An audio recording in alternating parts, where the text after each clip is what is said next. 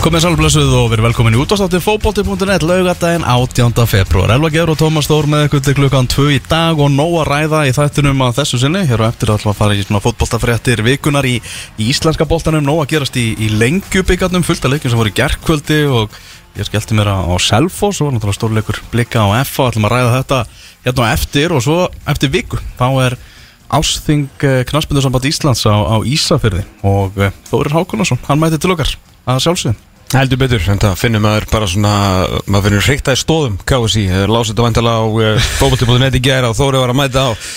Þá fara WhatsApp-grúpunar á stað, ætlaðu þú lusta, ætlaðu þú að lusta, ég, ég skrifi þetta niður, ég skrifi þetta niður. Hann satt við Arineldin heima þessari gær og, og var að lesa ásreikningana alveg út í, út í gegn og hann ætlar svona aðeins að fara yfir að helsta helsta sem er að fara að gerast á þessu þingi á lögadaginn, sjálfkjörið í, í stjórnina, Já. fáir að bjóða sér fram. Sem er svona kannski það eh, svona mest svekkjandi við þetta en kannski það áhugaverðasta við þetta myndi ég segja og hlaka til að ræða við Þóri um þetta. Þetta stóp meðlumum ITF og fyrirhandi frankandistöri Knarsbyrnu Sambands Íslands er svona þessi allsherjar yfirtaka ITF á uh, dildinni sem bara besta mál sko en bara svona áhugavert að sjá hvað þeir ætla að íta þessu lá talandi um lengjubikarin, uh, mínu menn á IATV að sjálfsögðu fatnar að stað. Já. það er ekki laugardagur á svona vetrarmánuðum uh, það er ekki laugardags morgun á þess að sé spilað í fristikistunum upp á Skaga. Einmitt. Íþróttabandala Akarnes var að fara að stað núna gegn Val og sjálfsögðu dundurútsending hjá IATV Hauku Pállina með eina pílu út á kantinn. Á, með að leikja í dag það er uh, fylgir að fara að keppa á móti Þóra Akureyri klukkan þrjú. Og uh, reddi í þannleik er Rúnar Pall þjálfari fylgismanna, hann er bara komin hingað til okkar, velkomin Rúnar. Takk kjæla fyrir það, gaman að koma til ykkar. Já, Þið gaman að fá fagmenn. þig Já, hakkaði fyrir, sömulegis Gaman að fá þig aftur, náttúrulega mættur aftur uh, in the show. Aftur komin í uh, komin í bestu dildina uh, Já. á ný. Bara gaman að því. Er það ekki? Jú, jú. Já, ég held að, sko, ég held að besta deildin hafi líka saknað þín, Rúnar. Á þess að vera eitthvað að sleikja þig upp og þá ertu Þú ert svona maður sem vil heyri í viðtölum Það er alltaf. Er það? Já, Ok, Já, líka, líka þú ert leðilug, skilur Það er líka hægt að tala um það. Er aldrei leiðilu Nei, svona áhugaverður, áhugaverður. Þess vegna finnst okkur alltaf líka gaman að að fá þig En hérna, takk fyrir það. klálega hérna náttúrulega bara eins og við segjum Mættur aftur í, hérna, í, í bestu deildina eins og hún heitir hún að þetta tókst við fylki eftir uh, langadvöl í Garðabænum. Farsæla og langadvöl uh, Eigum við samt að byrja? Ef að fara aðeins tilbaka? Er ekki liðin nógu langt núna að þú gefur okkur fyrir svona Af hverju fórstu? Ef sko, þetta er eitt leik. Eitt leikur í fyrra. Fyrir Já, já, Þetta var, þetta var bratt eftir uh, góð áratna já, já. Nei, nei, við skulum ekki að ræða það. Já, við þurfum ekki að ræða það sem liðið er maður. Átti grófa- mjög góð tími í Garabænum og ég elska stjórnuna og Þannig að við þurfum bara að hafa það á jákvæðu nótunum Mm. Er það ekki rétt að vera að þú hefur aldrei tjáðið um þetta? Óbyrgulega Nei, nei, það ætla ekki að gera það Aldrei? Það er bara, Nei, nei, það er bara mill okkar og stjórnar og hvernig þetta fór allt saman og, og ég bara fór sáttur og, og ekkert þess enn Ég Kemur- bara, það er ekki mjög vænt um þetta félag og ég ætla ekki að tjá mér eitt frekar um okkur ég ætti það er bara að vitum, ég veit að okkur ég ætti og, og þeir sem standa mér næst þannig að um það snýst málið. Kemur ekkert bóka eftir fyrirleina eða eitthvað? Kemur bók sko eftir 20 ár. Það er mjög, bara meðsölu bók Vi, við reyndum í þrjú ára að reyna að fá upp úr heimi Guðjónssoni hvað hefði gerst uh, á sínum tíma í FH uh, það var sömu svörin þar. Já. en uh, það sem við höfum séð nú, núna bara á síðustu mánuðum er að öll sár grófum síðir uh, gæti verið að þú fari ekkert mann aftur í blátt Ég meina eins og ég segi þetta áðan þá elskaði ég stjórnuna þetta er náttúrulega mitt félag sem Mm. Ólst upp í og átti mjög góða tíma þar Mm. og en það bara koma uh, leðalókum að það í apríl aðna 2021 Mhm. þannig að koma aftur í stjórnuna það maður veit aldrei sína framtíð Nei, nei. en það er frábært að vinna fyrir stjórnuna og, og, og bara átti frábært tíma þar sko. Já, það er eins og heimi sko að fóru sko, ég kem aldrei aftur í hafnafjörð í þú veist, nei, við erum búin að vera að tala saman og þetta er góða verið minn og tók sér aftur sem er bara bestamál, það er bara bestamál. Herðu þú hérna fórst í, í smá pásu auðvitað, uh, hvað svona hvað hugsaður svona fyrstu vikurnar eftir þetta? Bara þú veist, þú ekki líka búin að vera þarna síðan 2014 og þetta þjálfa í mörg ár og undan búin að vera í Nóri og Háka og áður og svona en þegar kom þessi pása og þú varst einhvern veginn ekki að undirbúa leik og það var ekki æfing 16.30 og það var engir strákar, væland og skristofinu spiltíma og þú festi einhvern veginn bara svona heilu fekk smá pásu. Það var aðeinslegt maður. Það En varst eitthvað að pælja þá að, að slöfa þessu í lengri tíma eða var, veist, eldurinn alltaf við þér að fara að þjálfa? Já, já, eldur var alveg þvíli tímir líka því hætti sko.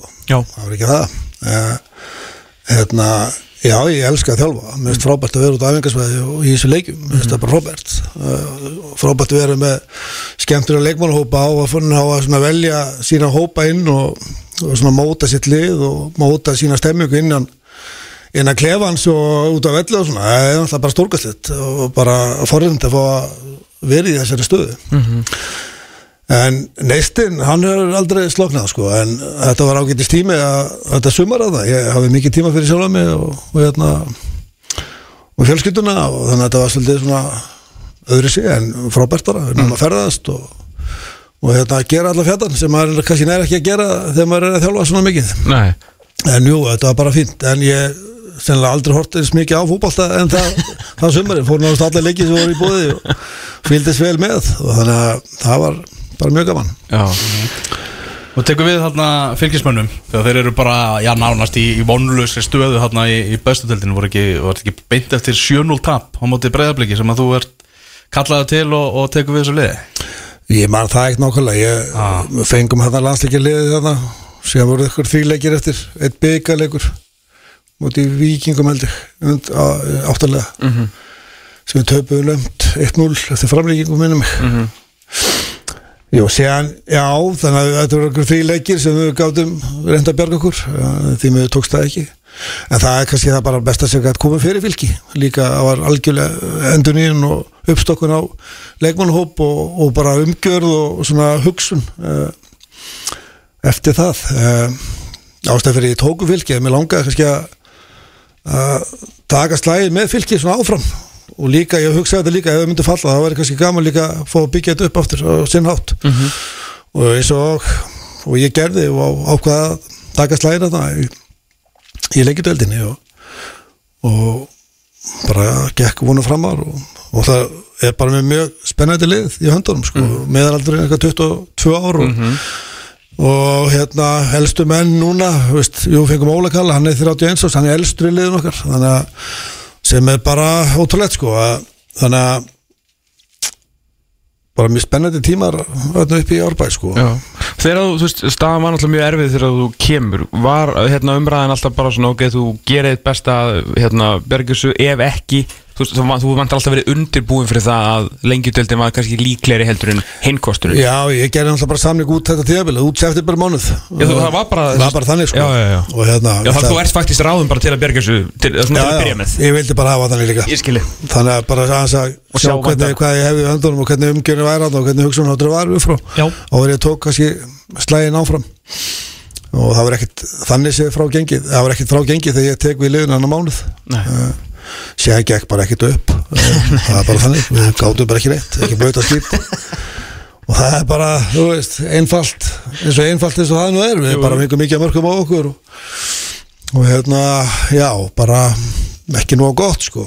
Nei. Þokkalegt verkefni að- fjalli bara með sæmt Já, þokkalegt verkefni að taka við liðinu og svona þar sem að sjálfströstið bara algjörlega og vantilega við frostmark og ekkert blasti við annað heldur, heldur en fall. Já, ég hafði trú á sig þegar ég tók við þessu. Já, og ég hafði það alveg, alveg þá til að við vorum bara fallið sko.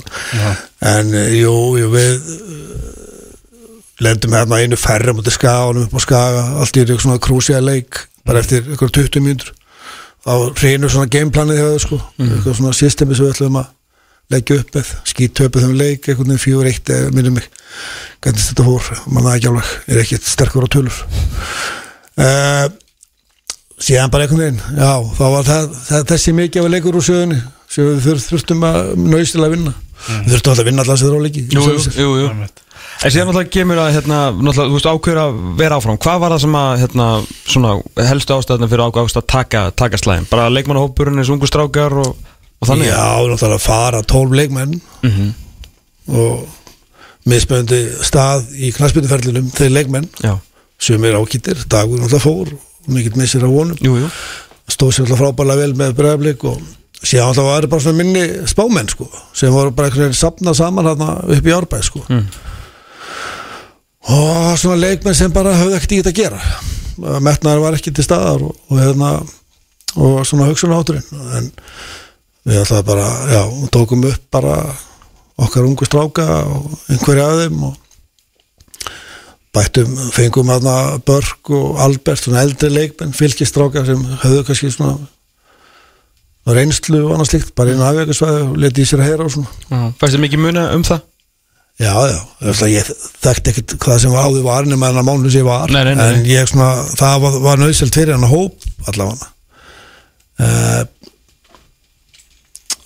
þannig að það var mikla mannarbreytingar uh, og mikið vægt að við aðstofþjálfara og teimi og svona, þetta fengjum svolítið nýtt blóð í þetta, ekki bara eitthvað fylgis svona sem þekkti ekkert annað en að vera dufrá Mm. þannig að við verðum að ég vildi ekki fá hvert sem er en við reyðum álger sko inn í mars. Þannig að sjáu það, það er alveg nokkur þá til að hann kemur.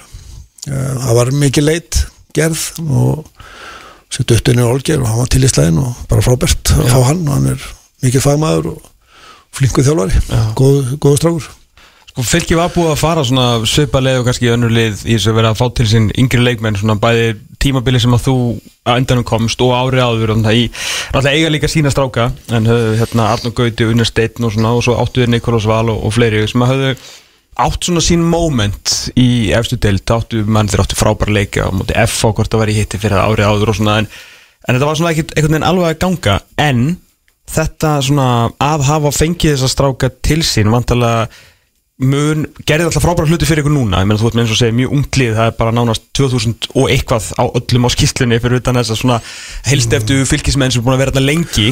Uh, og nú eru þeir konum með fullta leikjum undir belti fullt, og bara þú veist það gera er, er mjög hátt þannig að þetta er svona þetta er spennandi lið fyrir eftir deild. Já, og sér Óli 19 ára markinu að- Einmitt, og einmitt. varmarkmaðurinn er 18 ára. Já. nú er Óli 20 og varmarkmaðurinn eh, 19 og pluss Jón Ívan sem við fengum frá gróttu. Já, og mikið þetta var þrjá markmenn. Og síðan alltaf bara Ásker Eithós og Orri sem er elstu menninir já, og þeir, Orri er 27 ára sko. Já. og Ásker er 29 ára.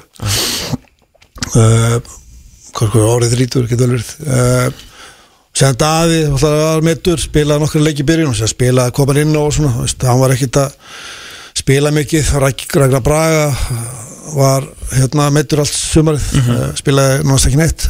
Þannig að þessi gauðra sem voru svona reynslubóltarnir og fylgis gauðrarnir, þeir voru lítið með. Eh, aftur móti fengu, fengu stráku sem Björn Darius og sem bara blómstrar í fyrra. Fengu Mattias Lársen Danan sem, sem hérna, bara var frábær fyrir okkur bara og síðan það já og Ardo Brega í bakverðin stóð sér frá mjög vel. En þetta er bara sama lið við erum að byggja upp núna. Og, og það er líka bara svolítið challenge fyrir okkur að sjá hver við stöndum á móti þessu liðum í bestöldinni og það er sem við erum að fara inn í en að vetu núna að sjá. Og gaman að sjá. Við, þessi tveir, þrjir leikir sem spila á móti sér liðum núna í vetur að við erum alveg höldum alveg í við þessi lið og viljum menna og, og hérna við getum alveg staðið okkur vel í sumar ef við menn hafa því sko. Sko þeir eru búin að fá hérna, Emil Ásmundsson bara komin heim en endalega náttúrulega dettur inn í þetta og, og skora náttúrulega mark, já mögulega bara mark ásins í heiminum að hlýtur að vera búin að senda þetta í púskas einhver sko ekki þegar að veri uh, hérna, sko Óli Kalli eins og segir hva, hvað er Óli Kalli að fara að gera fyrir þig í, í mínúndum heldur Það er nú að annar leikmaður sem skoraði eitt af mörgum ásins í, fyrra. það. Safna þeim saman. Samlaði sjálfsögðu. En nei, nei, ég vil náttúrulega var stór spurningar bara þegar hann kemur til okkar og, og bara hvað er mjög varandi spiltíma en það spilum við svolítið rétt inn á. Hann var að fá kannski fyrst 20 mínútur síðan hálftíma og síðan hálfleik og 75 mínútur og sem við keirðum hann hægt að róla upp og gekk hrikal vel, hann er náttúrulega ótrúlega fókusræður og vel þjálfaði sá strákur sko. Og bara geggjaði karakter.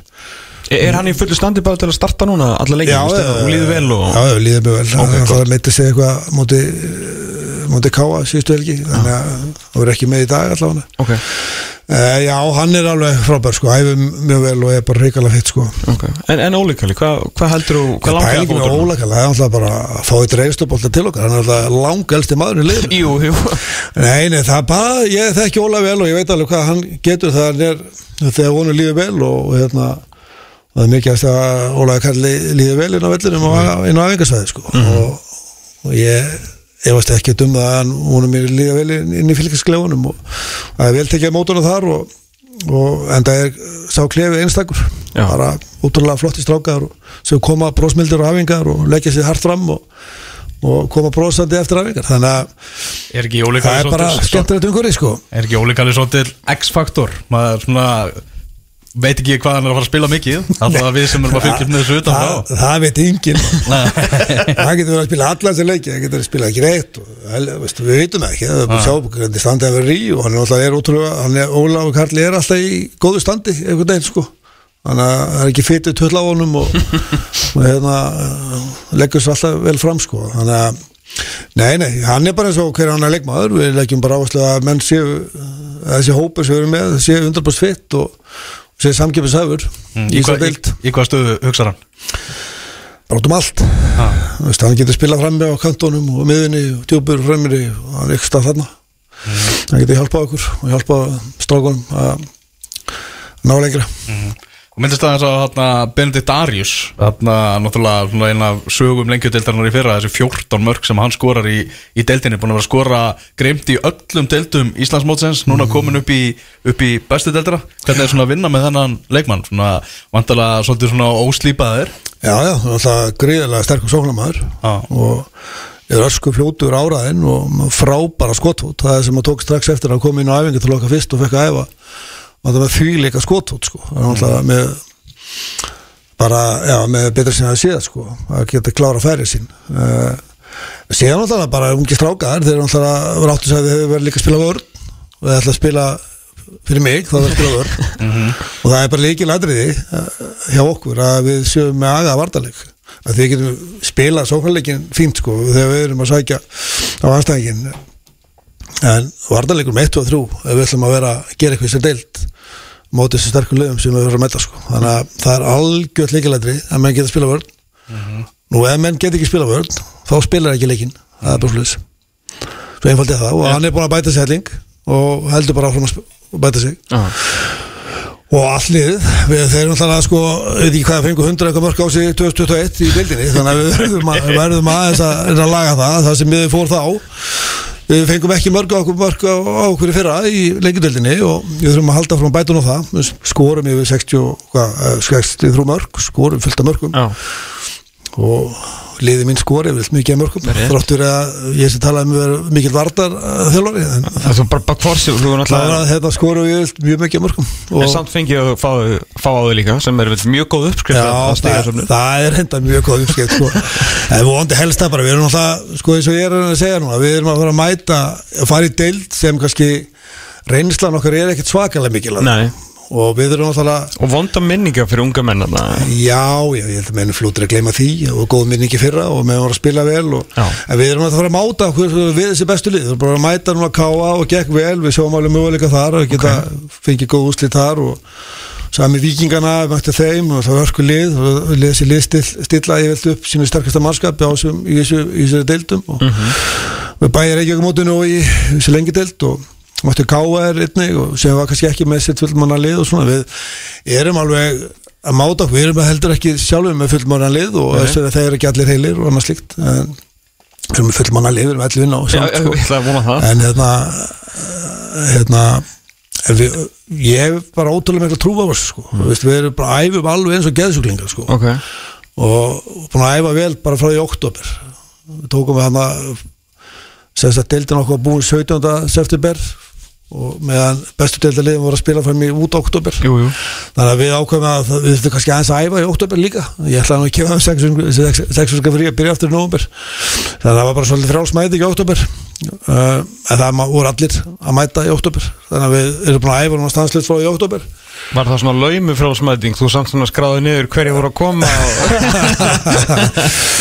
Já, það voru náttúrulega allir mættir alltaf, og það var náttúrulega bara svolítið létt bara fótbolti og, og reytur að spila og svona, bara talda minni gangandi Já, já. það síðan byrjum við að keira þetta alveg upp núna í byrjun byrjun november og búin að æfa núna ríkalega vel, bara eins og flest allir gera. Búin að æfa se- sexinu í viku, frí og sunnundum reyna að hafa sunnundan svolítið heila Þetta, þetta er fyrsta tímbilið þitt í, í bestu deildinni eftir að við byrjum að að spila bara, þú veist, næsta skrif lítur að vera að byrja þetta bara í februar, en ég meina, þú veist, við erum, hvernig er þetta núna, 10. apríl eða eitthvað? Já, Þú, þú lítur að þurft að, aðeins, aðeins að breyta þínum vennjum hvað var það þjálf, þjálfræðina og tímasetning. Já, við erum aðeins að ég hef alltaf kert í svona sex vik, vikna lótur uh, og hérna nú þurfa að kera ég keri þetta núna í fimm vikna lótur núna veist, uh, fyrstu fimm vikunar, síðan kemur smá svona núlvika það sem er róli vika en rólega vika núna þá lendu við að spila við káa hann á sunnundi þannig að við hefðum alla þetta þá vikuna. Já. þannig að það var ekki svo sem ekkert mikið núlvika þar og síðan er við að kera aftur upp svolítið hörku næstu fimm vikur uh, í miklu álæði núna. Og þegar það eru búin þá eru þrjár vikur í mót og þá fyrir við til Kampóamór og æfum verið þar tíu dag komum viku fyrir mót. Já. þannig að planið fram á fyrsta leik er bara frábært. Við erum að fá fylta leikjum og það er allir ekki einhverjum fimm leikir fram á móti. Þetta er ekki, ekki lengur tími það sko. Nei. þannig að þú þarft að þú þarft að hérna að nota þessi leiki vel nýta þessi leiki vel og sjá hvað við þurfum að bæta okkur og, og hvað við erum sterkir og halda að vinna með það og einnig að vinna með þessa þessi atrið sem við erum ekki að breyðast nú vel við og mótið sterklum þannig að við þurfum að vera að klára því og við höfum fína tíma.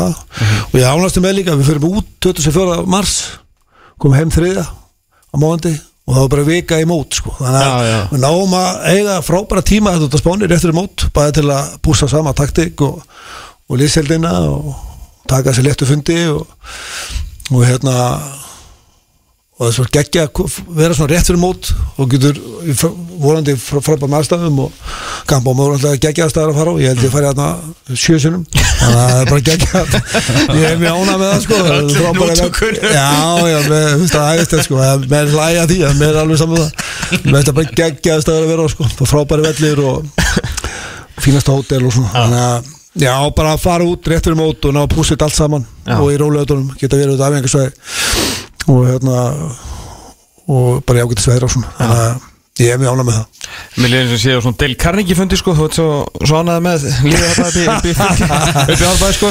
Hérna, Já, maður verður að vera auðvitað. En segðu mér eitt með þér því að hérna, þú, þegar þú kemur hérna, he, e, svona heim og hérna, inn í boltan og þú náttúrulega byrjar ferilin hér heima í raun og veru á einum ótrúlegasta og einum bara glæsilegasta íslensmistratilli setjum tíma og náttúrulega þetta draumað tímambil svo ertu náttúrulega bara í topparóttinni, mörg ár, þú veist það er Evrópa ár eftir ár, því lík úrslit í Evrópu flotti leikir, þú er með Celtic heim og bara, þú veist, menna, þú skólaði til Virgil van Dijk, menna, má segja þú gert hann á því sem hann er í dag.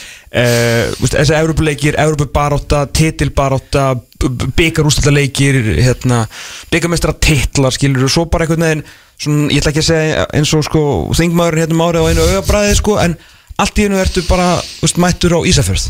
Þetta er, þetta er, þú veist, það er langt á milli í þessu en orða sem maður aldrei tengtu þegar ég er ykkur hróki aldrei, mm. en ég get ímyndum mér að þú hefur verið mjög fljótur að aðlagast. En þurftur samt eitthvað aðeins að stilla hausin að vera ekki að fara í, í vesturbæin heldur, en í, heldur í þorpið og svona? Nei, nei, nei, nei, veistu, með, með knastbyrna fyrir ég á okkur að 68 nýju leiki í eftir deild, sko, stjæðan 100 okkur leiki í, í sko, fyrstöldinni, sko, Já. þannig að ég, þetta er ekki nýtt fyrir mig að spila fyrstöld, sko, einmitt. þannig að það var engin hróki því, með veist, að fá út alveg um Ísafjörð, sko, ég elska Ísafjörð, sko, með veist að frábært eins og Kampómor Já, með veist Ísafjörð er bara eitt besti stár í Íslandi, sko, og það vestur uppi, með veist afslapandi umhverja að fara í, það er þetta hárið ekkert sko, en En, fótboltinn kannski þá aðeins Já, svona- já, fótboltinn er öðruvísi og bara þetta er hörku deild, fyrsta deildir sko. Hún er Og erfið. Já, hún er erfið og það er bara, þetta er brúta deild sko. Og, og stundum er dómgæslan eftir því líka. En, en það er bara svo það er. Það hallar að bæði liðin þar sko. En hérna, nei, nei, það er allir leggist sér fram. Nei, veistu það, mér- það var ekkit ég pældi aldrei neitt í því sko. Það er bara þetta er verkefni og markmiðið mitt var að fara upp með fylki og það tókst svo sannarlega. Nú er bara komin í þetta með að spila með þeim bestu og, og, og hérna, þá er maður komin að sama stað að maður var með, einmitt. með, með stjórnuna ætlaði að gera eitthvað á félagskeptumarkarum meira? Eða ertu að sjá svona hvernig næstu leiki fara? Ertu búin að ákveðu allir að er þetta leita? Við, við erum ekki leita neitt sko. og að, eins og þið veitir sjálf það snýst alltaf bara um fjármagn og, Jú, jú. og hérna, við erum að geta borgað þeim laun, þeim, þeim leikmann sem er til staðar og ekki fara fram á okkur þar. Fylgir bara vel reiki félag og, og hérna ég er bara á sama budgetinu ár eftir ár bara síðastlega tíu árið eitthvað sko. þannig að við bara spilum úr þeim peningum sem við erum með. Uh, einn, tvei leikmaðurinn fyrir tímanbil ég veit það ekki, Nei. getur vel verið að okkur býst eitthvað skemmtilegt. Og eitthvað sem er þá sem sagt uh, kemur til með styrkjalið ekki eitthvað svona leikmenn sem verða svona skvall leikmenn Nei. verður þá, verður þá leikmenn sem sem kom inn til að styrkjalið. En það er ekkit í deglunni. Og það veist, við lókum ekki neinu hörðum þar.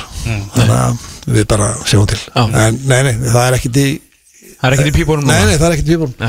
En það er bara mjög ánægð með lið, fylgislið eins og er í dag. Það er alltaf er Það er gríðilega hérna, vinnusamt. Þú veist, Þetta er duglegi strákar uh, og hérna, metnaðgerðnir og, og, og reikalega duglegur inn á afingarsvæðinu og hérna og það, þetta helst í hendur allt sko varandi árangur og, og, og þekkja sína styrkleika og þannig að við getum við getum, ég veit að við stöndum okkur vel í sumar sko og við erum alveg að mattsa þessi lið sko. Já. þannig að og það þetta snýst ekki um hvort það er með stæstum öfnir í liðinu, þetta snýst um ef þú klára vinnuna sem þetta vinna sko. Já.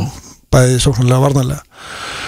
Og klára sér litl hlutum sko, hafa trú á sjálfur og liðinu, samherjanu Mhm. og vinna og, og hérna bara hard work sko. Já. það er bara snýst um sko, þetta snýst allt um það. Alveg saman hvort þetta er toppliðum eða, í liðum sem eru spá næri settum dildarinnar það er það bestu liðin í Európa í dag sem að hlaupa mest sko. Já, og bara og, hlaupa rétt. Og hlaupa rétt. Það er mikið líkilíks í dag líka sko. Er þarna síðasta, þetta er svo gamal maður. Þetta er gaman. Er þarna síðasta tímabil er, Þeir stemdu beintu upp og þeir fóru svo sannarlega beintu upp. Markatöluna 63, 23 51 stigur og þarna 14 stigum frá þriðja sætinu. Eh, Þetta var, lítur að vera þægilega heldur að þú bjóst við að, fara upp á del Já, ég held að vinnum eitthvað 12-13 leikir röð. Já uh, veist, Þú komir í svona flott veist, svona ákveðis són og það gengur allt upp. Þú bara, þú finnst þau að vera óstöðandi. Og það er svo geggju tilfinning sko. Ah. veist, þú bara þú veist að þú ert ekki að að tapa þessu leikjum. Og mm. við, við vorum ekkert að fá góð úslit í byrjun móts. Þá er kannski ekki bara að finna rétta taktir í liðinu sko. Og segja lóksist þegar þú finnir að færa það að vinna 2-3 leiki sem heldur það áfram. Þá er Veist, ég er ekkert að fara að gera breytinga að því bara, veist, við reynum að reyna að halda þessu liði bara gangandi. Og þá er þetta bara svo gaman þú kemst inn í eitthvað svona veist, eitthvað són sem þú bara, þú vilt ekki fara út sko, út úr. Þannig að já, þetta var helviti fínt í fyrir sumar, þessi setnir hluta mót sko, og, og hérna, og vorum að spila bara, bara skemmtilega hópalta sko. 36 stig Af 36 stig mögulegum er er kósi sko. Já, En þú þarf það að vinna fyrir því En, en það er svona, það hjálpar alveg klálega En við verðum líka að vera raunsæðir varandi ef við nú erum komin í deild sem við erum að mæta sterkari liðum. Já, já, já. og þá getum við kannski ekki lift okkur að spila sem að fótbolt og við gerðum í í fyrra, Nei, við getum það ekki þá bara fyrir ragleis niður á þú sko. Já. Þannig að við þurfum aðeins að stilla okkur af.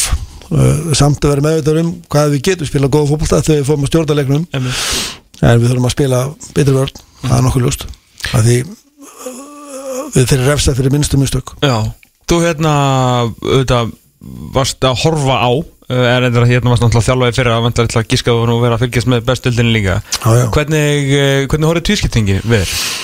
Svona fyrir auðvitað það er náttúrulega varðlegilegt því að Já, spenna var engin en bara svona almennt Jú, jú, bara alltaf lægi sko Vist, ég, ég, vil, ég sagði um að þetta vitalið við ykkur fyrir mjög góðum sen ég myndi vilja hafa 14-16 lega deild sko Mm. bara spila 12 umferð, það var ekki þessum Já, þá farið saman leikja fjöldan ána sko. Og hérna síðan bara umspils um sæti í þá var hann til fyrstu veldina og að þrjú næstu sætin. Eittlið fellur beint og tvö næst næstu farið umspil við þá tvö næstu efstu í í leikidöldinni þannig að það eru þá meiri keppni þá myndur alltaf veist, þá, þá færðu meiri leiki líka sagt alveg úrstilda leiki þar hverju falla. Mér finnst að mér finnst það betri vingill en það er ekkert að ræða það. En mér, jú, jú, þetta geta alveg fungera vel ef þetta er aðeins meiri spenna í deildinni. Það var mikið spenna í fall, fallsetanum í fyrra. Og hérna sem var jákvætt en ekkert í topnum þetta var alltaf nei, nei, hann er alltaf farið Já, sko. farið sko. Já. En ég En, mikla svo bara svona konseptið að þessi svona sex til dæmis neðri fá tækifæri gegn svona þegar þú horfir á þetta fengur tækifæri gegn sínum líkum. Mm, ánægð með það svona? Já, já, þetta var alltaf læg Þetta var alltaf læg og verður alltaf læg held ég. Þetta, við veitum alltaf aldrei, hvað gerist í Nei, þessu sko. nei, nei. En þetta ætti að vera Þetta ætti að vera ágætis nálgun sko. Já, En síðan talaðu um lengjudeldina sko Nálgunum þar næstu ári Það var glóruleg sko. Já, já það er því Þannig að- miður Þannig að ég skil stundum ekki alveg hvað er að gera þannig frá Tímur Það, hérna, Það það, var eiginlega- það var eiginlega þú veist, næsta spurning sko, því að þú varst að fara þú, ef þetta hefði verið svona fyrir að hefði ekki haft áhrif á þig því að þið náttúrulega pakkuðu saman þessari deild. En svona meina þetta var, hefðu þá verið háká kortringir, gróta fjölnir í ef og hefði skilur hefði þessi úslita keppni Já. uh, Má kannski láta þau bara hlusta þetta vita að, að við verum að tala um breytt fyrirkomulagi uh, næstu fjögur farið sérstakka úrslitakeppni um Einmitt. og það er heim og heimar í undanústlum og svo úslita leikur Já, og þetta getur verið svo mikil stegamunur á þessu liðum sko. Bara eins og var í fyrra á fyrstu þeim sætunum og sér þriðasæti Nei, þú veist, ef, ef að fymtasæti skilur spilaði við annarsæti og það er kannski eins og háká kortringi núna. Það er 13 stega munur Já. svo í fyrri leiknum þá hérna smá heilafrost hjá markverði háká segjum sér svo Já. rautt spjald, hann er farin út af þeir spila einu fari í 88 mínútur og Hann er í banni í næsta hann er í leik. í næsta leik allt inn eru kórdringi konur í úrslutaleik þeir ná upp einhverjum um skipt, Já. skipt kórdringi út fyrir Grindavík þóra aftur vel saman sko. en við erum talað um bara fymta besta liðið með smá hefni getur allt í nú verið komið í deildir að bestu þráttur að vera kannski 20 stegum frá Já. Eiga ekki Þetta er, í deildina mér finnst það algjörlega galið Já. og ég bara skil ekki hverju fundu þetta upp sko. það var alltaf að finna upp hjólið í þessu bransa sko. ha, þetta er ótrúlega sko. get ekki lært að nágrunna þjóðum okkar Þetta var bara kosið um þetta á ástingin. Ég held að bara flestir sem hafa verið að kjósa það bara er búin að fá sér aðeins. Að- Hafi ekki kynnt sér ég þetta. held að það hafi nú verið þannig sko. að kjósi bara um þetta. En þetta er náttúrulega skilju auðvitað eru lið eins og Þór Grindavík Kortringjur á þeim tíma svona lið sem að hafa fjölnir nei, þeir eru náttúrulega verið að smakka á þessu del svona þessi lið sem að eiga í brasi með að þú veist, þetta er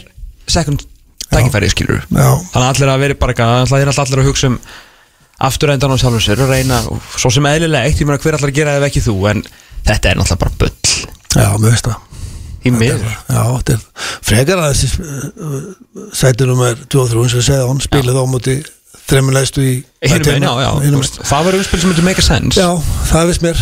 Þá ættu allan að keppa við starkari lið og, og þau, veistu, þú tapar þeim leik, liðum sem liði bestöldinni Mhm. þá áttu bara heima þeir Já, er. Búndislegan er í kerið þannig Já. Þá hérna farið með þetta mátaði við Já. Eitt af liðlustu liðunum í efstu Er dildinu er þetta ekki líka þannig í Núri og Svíþjóð, ég held að Ég allavega í Nóri Noregi, held ég. Jú, Já. klálega alltaf horfði til Núrex í þessu Já, Segjum að það er sem að þjálfa í Nóri Leikið vel já, já. Herrur að þú hérna að fara að þjálfa Þið þurfum að fara að sleppa þér þig leik við Þór núna upp á Húrð klukkan Þrjú, já. Bara all, allir árbæðingar og Gott viður Geggjað veður Þannig að um að gera að fara og sjá unga og spræka fylgislið. Já. Aðeins að, aðeins að kíkja á. Hérna, takk bara kjærlega fyrir komrunar hlokkum Takk. til að heyri í sumar og sjá liðið spila. Já, takk ekki fyrir það. spurning, Ha, og bara, góða ferð á kamp og amor ég hef heyrt að þetta geggja já, takk ég fyrir það. Gaman að koma til ykkar. Já, við höldum áfram eftir augnableikum eftir að fara aðeins svona í afstengið íþrótta fótboltapólitíkina með Þóri Hákunar og svo er að frétti vikunar 0-0 Aston Villa Arsenal var að fara á stað þá, Simin Sport. Og talandi um fréttir, bara brjótandi fréttir uh, KSI er búið að tilkynna það að kórtrengir taka ekki þátt í knastbyttum mótum sumasins 2023 Ok. Förum í það hérna rétt á eftir. Sjokker Já, meðan Ham var hérna að flytja að lægið Þú lígur, þá komst Aston Villa yfir á móti Arsenal í hátæðisleiknum Það tók ekki marga mínútur fyrir Villa að- að skora fyrsta markið í leiknum? Nei, og nú ætlum ég að rannsaka vel hver skoraði því að ég var með ranga markaskora hérna síðast. Nú. Og þú bara sagði bara já og amen. Varst ekki að horfa heldur? Já, ég hef ekki verið að hlusta neitt. Nei, mitt, ég var hérna helt miklu ræðum að Lukas Baketa var losa að skora svo var það bara Emerson og þú bara, já, já flott, flott, flott, flott. En þá leiðir eftir það hér með. Ég reyðist hér með. Viku síðar að það var Emerson sem skoraði fyrir Vestham á móti Chelsea. Herru, Ollie Watkins með markið stóðsning frá eh, pólverjunum Getheka Matti Kass reyndar ekkit sérstaklega mikið stóðsending þannig því að hann eiginlega rétti bara Ollie Watkins boltan sem að sótti á Amir Sindis Ben White og spyrnti svo boltanum snirtilega í fjærhóttinu fram hjá uh, Aroni Ramstel í markinu mjög soft mark uh, Oli Watkins þurfti ekki mikið að hafa fyrir uh, hlutunum og sem fyrir segir Arsenal sem er núna búið að uh, verða af stigum í tveimur og sístu þremur leikjum, eitt stig af nýju mögulegum er undir á Villa Park í Birmingham. Er ekki eitthvað þrýleikir í röð hjá þeim núna? Jú, þess að tap, jættefli, tap. Já, einmitt Já, þetta er, þetta er ekki alveg, alveg að virka nóg eftir af þessum leik. Aston Villa Arsenal, það er bara 11 mínútur á, á klukkunni.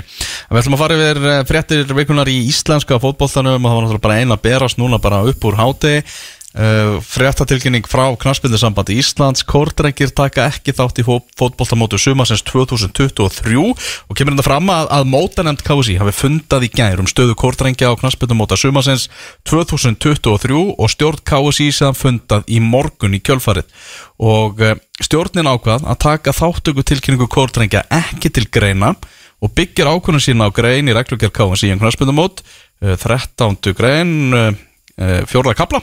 Kortrengir munum því ekki taka þátt í mótum sumas, sumasins hér er um að ræða lengjudelt kalla og mjölkurbyggar karla. Og eh, það verður breytingar á deildaskipun í, í kjölfarið og það er ægir í Þorlóksöfn sem að flist upp í lengjudelt karla í stað Kortrengja Ægir hafnaði í þriðja sæti annara deildar á síðasta tímabili. Og síðan er náttúrulega keðjuverkun sem gengur niður allar deildirnar, KFG fer upp í aðra deild í stað Ægis, Hvíti Rittarinn fer upp í þriðju deildina í stað KFG, Hamar flist í fjórðu deild, deild kalla í stað Hvíta Rittarans, Álafoss flist upp í fymtu deild kalla í stað Hamars. En stærstu frétnar að sjálfsögðu það er að, eh, já, bara kórnrengir, það er bara game over þar, hvorki mér enn minna. Já, bara rétt árnum við byrjum spurningu sal, eru þess að liðin sem að ég veit að ægir var náttúrulega þriðasetti annar dildar uh, og þeir fara upp að því að sem sagt kórdringir eru de facto að falla á leifiskerfinu sem bara sangvært reglum þeir eru- Nei. Nei, Hefði eru- hef, hef það verið þannig að Þá þeir er eru það fallið á KF. leifis, það eru ekki búin skilin leifiskerfi Já, og náttúrulega þáttökutilkynningin hjá þeim var þáttökutilkynning kórdrengja var náttúrulega að þeir myndu heimavöldinu var, væri kaplakriki. Og var bara byggt á því til að gefa frest í viðræður við FH skilði þannig að greinilegt að KSI hefur ákveðið að taka ekki þessa þáttökutilkynningu sem skilvarinn til greina í dag. Og En það gerir að verkum að ægir fyrir upp að samkvæmt uh, reglugjörnum þá hefðu, hefðu að vera þannig að það eru skilað en leifiskerfi til þáttöku og fallið á því þá hefðu káfa fengið réttin Ok, uh, en eru þá semst að því er ekki með að vera framme eru liðin í þriðja sæti í hinum dildunum Nei, Já, Nei, að fara upp um það. KFG var í þriðasæti þriðudeldar Hvíti rittarinn í fjórðasæti fjórðudeldar en Ímir hefur nú þegar fæst upp um deild í stað einharja Já, út af öðru, já, Já, þannig að hvíti rittarinn fer upp sem, sem í fjórðasæti í senni deild sko. Ok Og byrju, er, hérna, komast ekki allir lengur í fimmtudildina? Akkur var Álafoss að detta þar inn? Já, það er komin utan deild Karla og, Ah, hennu og vegna breytinga á þáttöku félaga verður opnaða nýju fyrir skráningar í utan deild fyrir einhver upplýsingar verða byrtar eins fljótt og kostur er.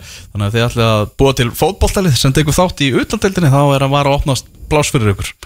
Ef þið, ef þið hafið áhuga á því. Gaman að því. Herru, já, hefur þetta, hérna Köttur út í mýri og allur sápakki eh, Ævintýrinu, já, kortrengjum Er þá formulega lokið? Já, náttúrulega engin haka í golf þannig að séð búið að stefna í þetta í nokkuð tíma. Var bara spurningin hvort að FH myndi taka félagið yfir og uh, hugmyndin hjá FH var að nota liðið undir unga leikmenn. Nú þegar með íhá á, á svæðinu sínu og þetta var já, við á fótbolta.net áttum nokkur svona off-record samtöl bæði við starfsmenn og stjórnamenn hjá FH og það er alveg klárt mál og þetta, þetta var ákaflega eldfimt mál. Það er bara þannig innan, innan FH, sama hvað hver heldur fram. Það voru mjög svo skiptar skiptar skoðanir um þetta og menna sérst bara af því að ég veit ekki hvað voru tekið mörg símtöl frá skrifstónu okkar til FH og til að reyna að fá eitthvað, eitthvað svar um þetta en FH bara eitt erfiðasta félag landsins þegar kemur að samskiptum verðist vera. Já.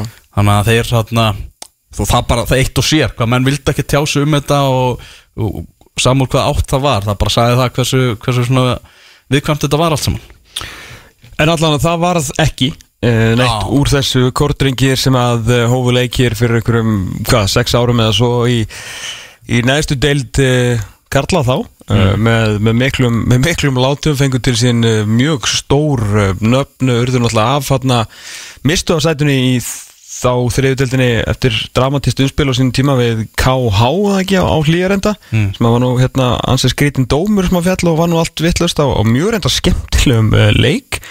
En síðan þá hafa þær bara já, hlaupið upp deildirnar og hafa staðið sem með gríðalegum sóma í næst efstu deild á, á Íslandi en það verið duglegir að fá til sín góða leikmenn, verulega góða leikmenn hafa, voru náttúrulega bara í toppártunni í fyrra og síðan byrjuðu frekar, eða fyrir hitti fyrir að segja voru mm, náttúrulega svolítið lengi gangreitar í fyrra en enda síðan bara í fymta sæti og maður nú ekki Men ég hef nú ekki viljað bjóða í þá í úslutakefni ef hún hefur verið komin þá sko með við gýrin sem, að- sem að liði var komið í.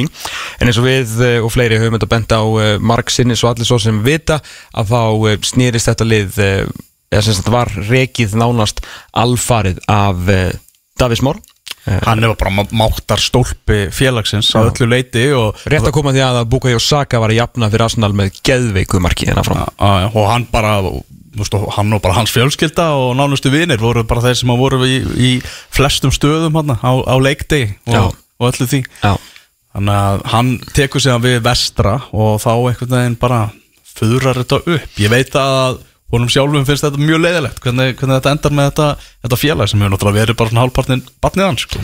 Já, hann hefur vantilega vonast til þess að hann væri búin að búa til nógu svona sterkan grunn til þess að þeir getu haldið áfram ánans því hann er auðvitað mjög metnaðfullur í sinni þjálfun og ætlar að fara ég myndum að gíska bara alla leið eða hvað sem að það svo þýðir fyrir hann en hérna sko það er ekki þetta náttúrulega þetta er hættan þegar þú ert með félag sem er ekki hvað var að segja Já, þú ert með lið sem er ekki félag. Er það, er það ósangjönd að segja það? Þá er ekki að reyna að vera eitthvað leiðilegur. Ég er bara að tala um það er ekki það er engin, er engin heimavöllur, það er engin klubbur það er engin saga, þeir voru alltaf að reyna og búinir að skrifa mjög stuttasögu smásögu í raun og veru. Ekki yngri flokkar og ekki yngir yngir flokkar og, og svona og ekki margir um hituna að, að hjálpa til að nema náttúrulega Davíð, fekk auðvitað mikinn stuðning frá mönnum á bakvið en það fer náttúrulega ekki á milli mála þegar hann fer að þá verðist það bara og er, er búið. Já, þannig að þetta er auðvitað hætt af eins og segja við það að búa Já. til lið á þessum fórsendum að þetta getur gerst en hvað þetta fekk að dragast lengi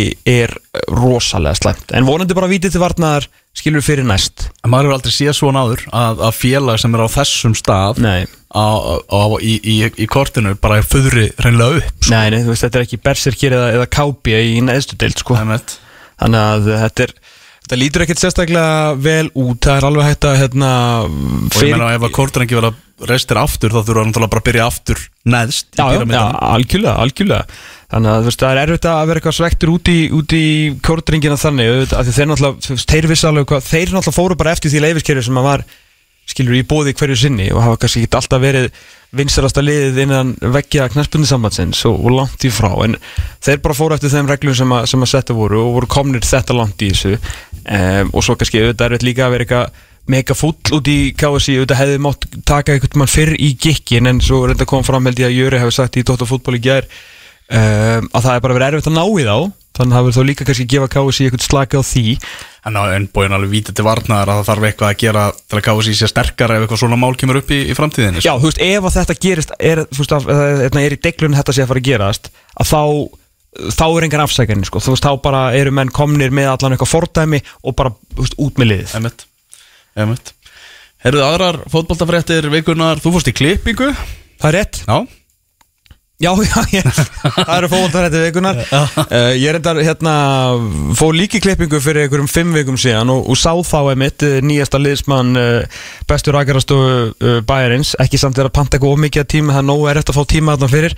En ég og, og krakkarnir Já. förum sjálfsögðu í stúdíu 110 í, í kartumlugörðunum í Ártúnsbrekkunni þar sem að Gunni Malkvist og Ovo Kötz, minn maður eru búin að búa til svona mestu gæja rækjarastofuna í bransanum þar sem eru hérna, og nóga fótboltamönnum þar að klippa sko.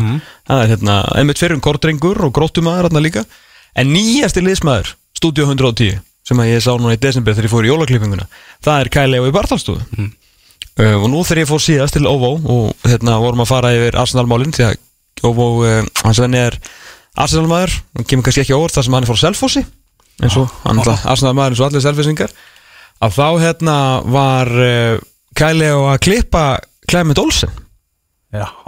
Mm. þannig að það var svona færisk, uh, færisk tenging þar sko.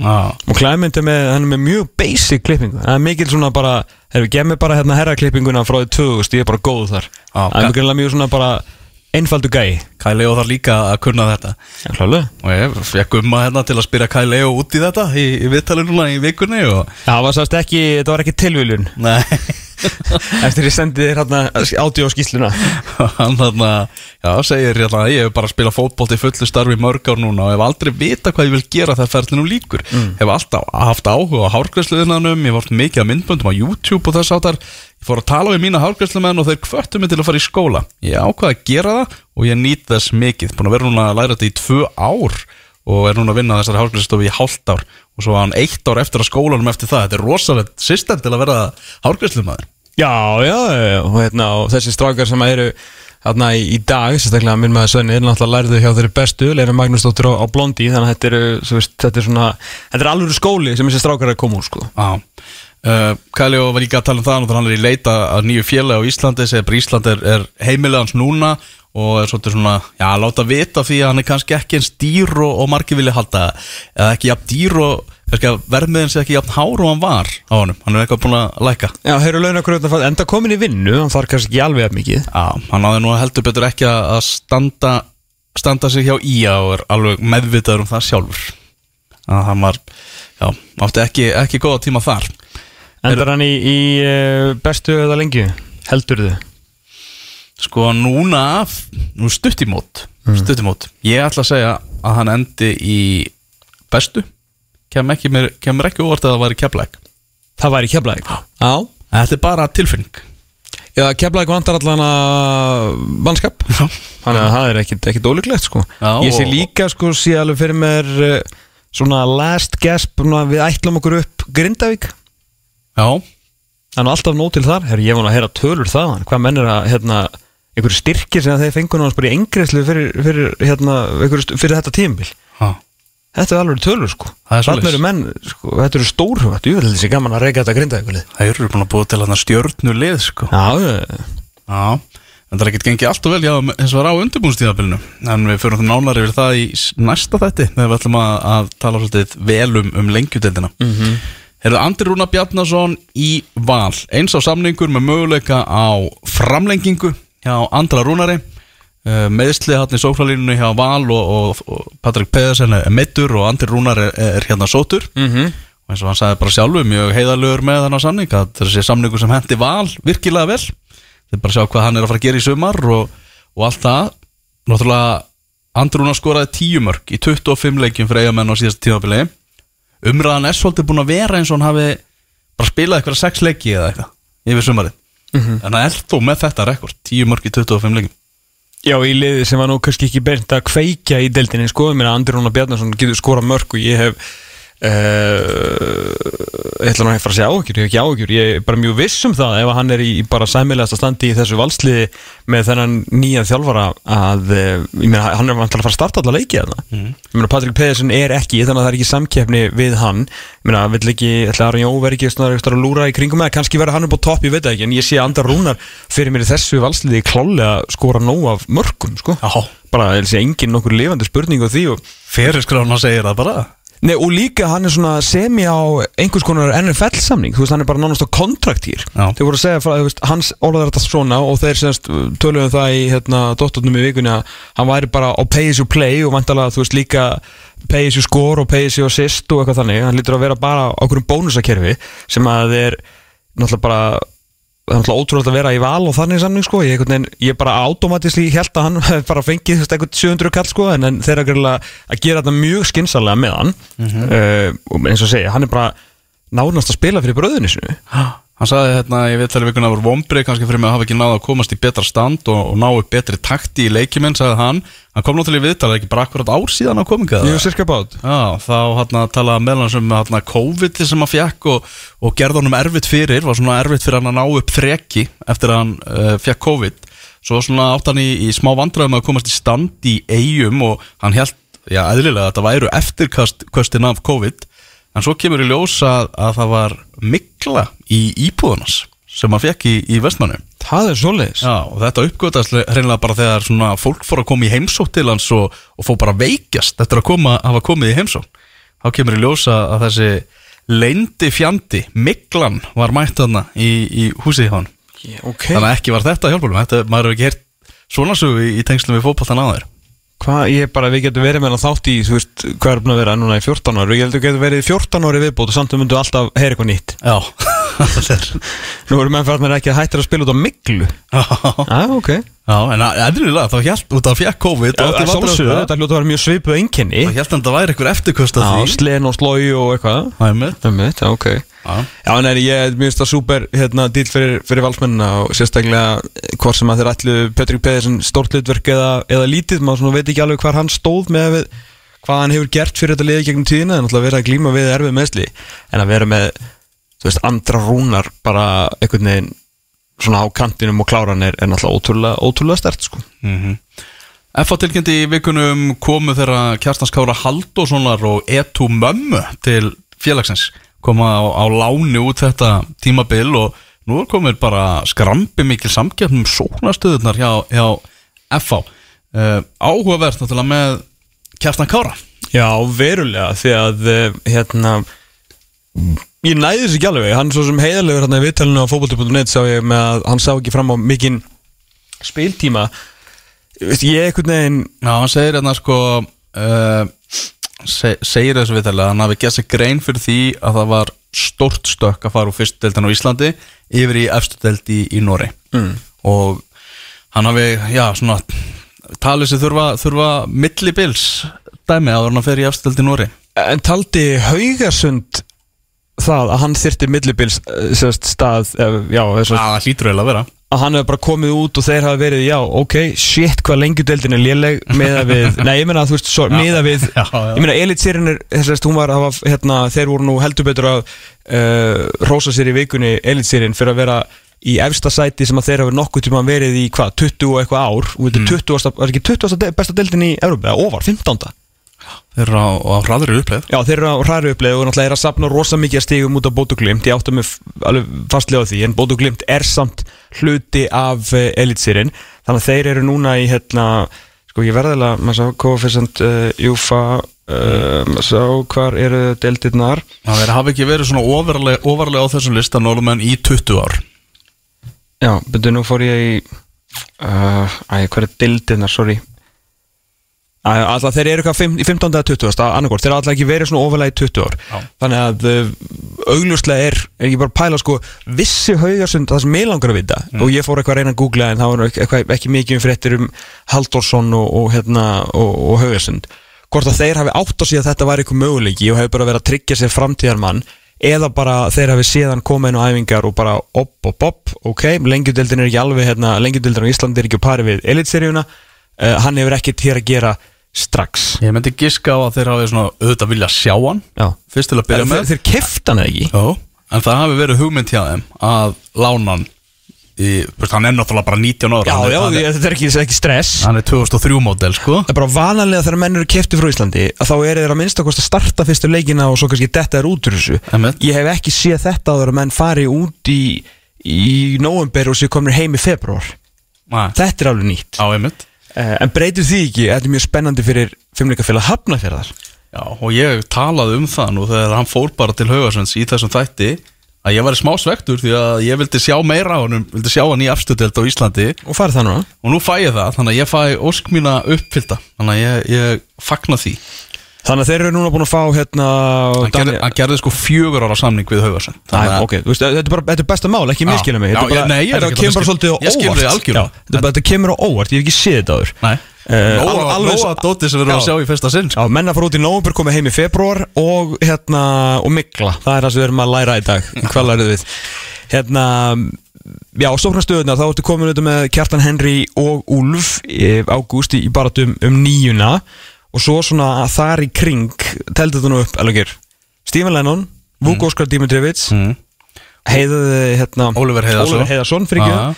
Úlfur, er það Já, í þetta hann er framlínuna sko, nú erum við að tala um kantana. Já, Vuk, uh, Oliver og svo náttúrulega núna Kjartan Kári. Já og, svo, Og- og, nýji gaurinn hann frá Ítalíu. Emmu, Finnin já. Já, hann, er, hann er mættu líka. Úlingalandslismæður frá, frá Finnlandi. Mm. um, veistu eitthvað um hann eða hvernig hann datt í fangið það Nei, ég hérna hitti nú Magga.net á förnum vegi og hann var nú eitthvað búin að kíkja á hann og hann leist vel á hann, vel á, vel á sífið hann sko. En hann er, kemur líka á láni þessi, þessi leikmaður. Og hérna maður veit ekkert í hversu stóru hlutverki þessi strákur er, hann er 20 ára 2002 mótel og kemur á láni frá, frá Lecce Já. Var hann eitthvað í varaliðinu hjá, hjá Lecce Hefur einhver, er ekki Dani Hadaka og hann var reyndar eftir að hann stóð sér fanta vel í fyrra uh, en hann kannski eftir að svona gera ennþá betur. Finnar og efstadild svona off the top of your head hvernig, hvernig er sagan, finnska sagan?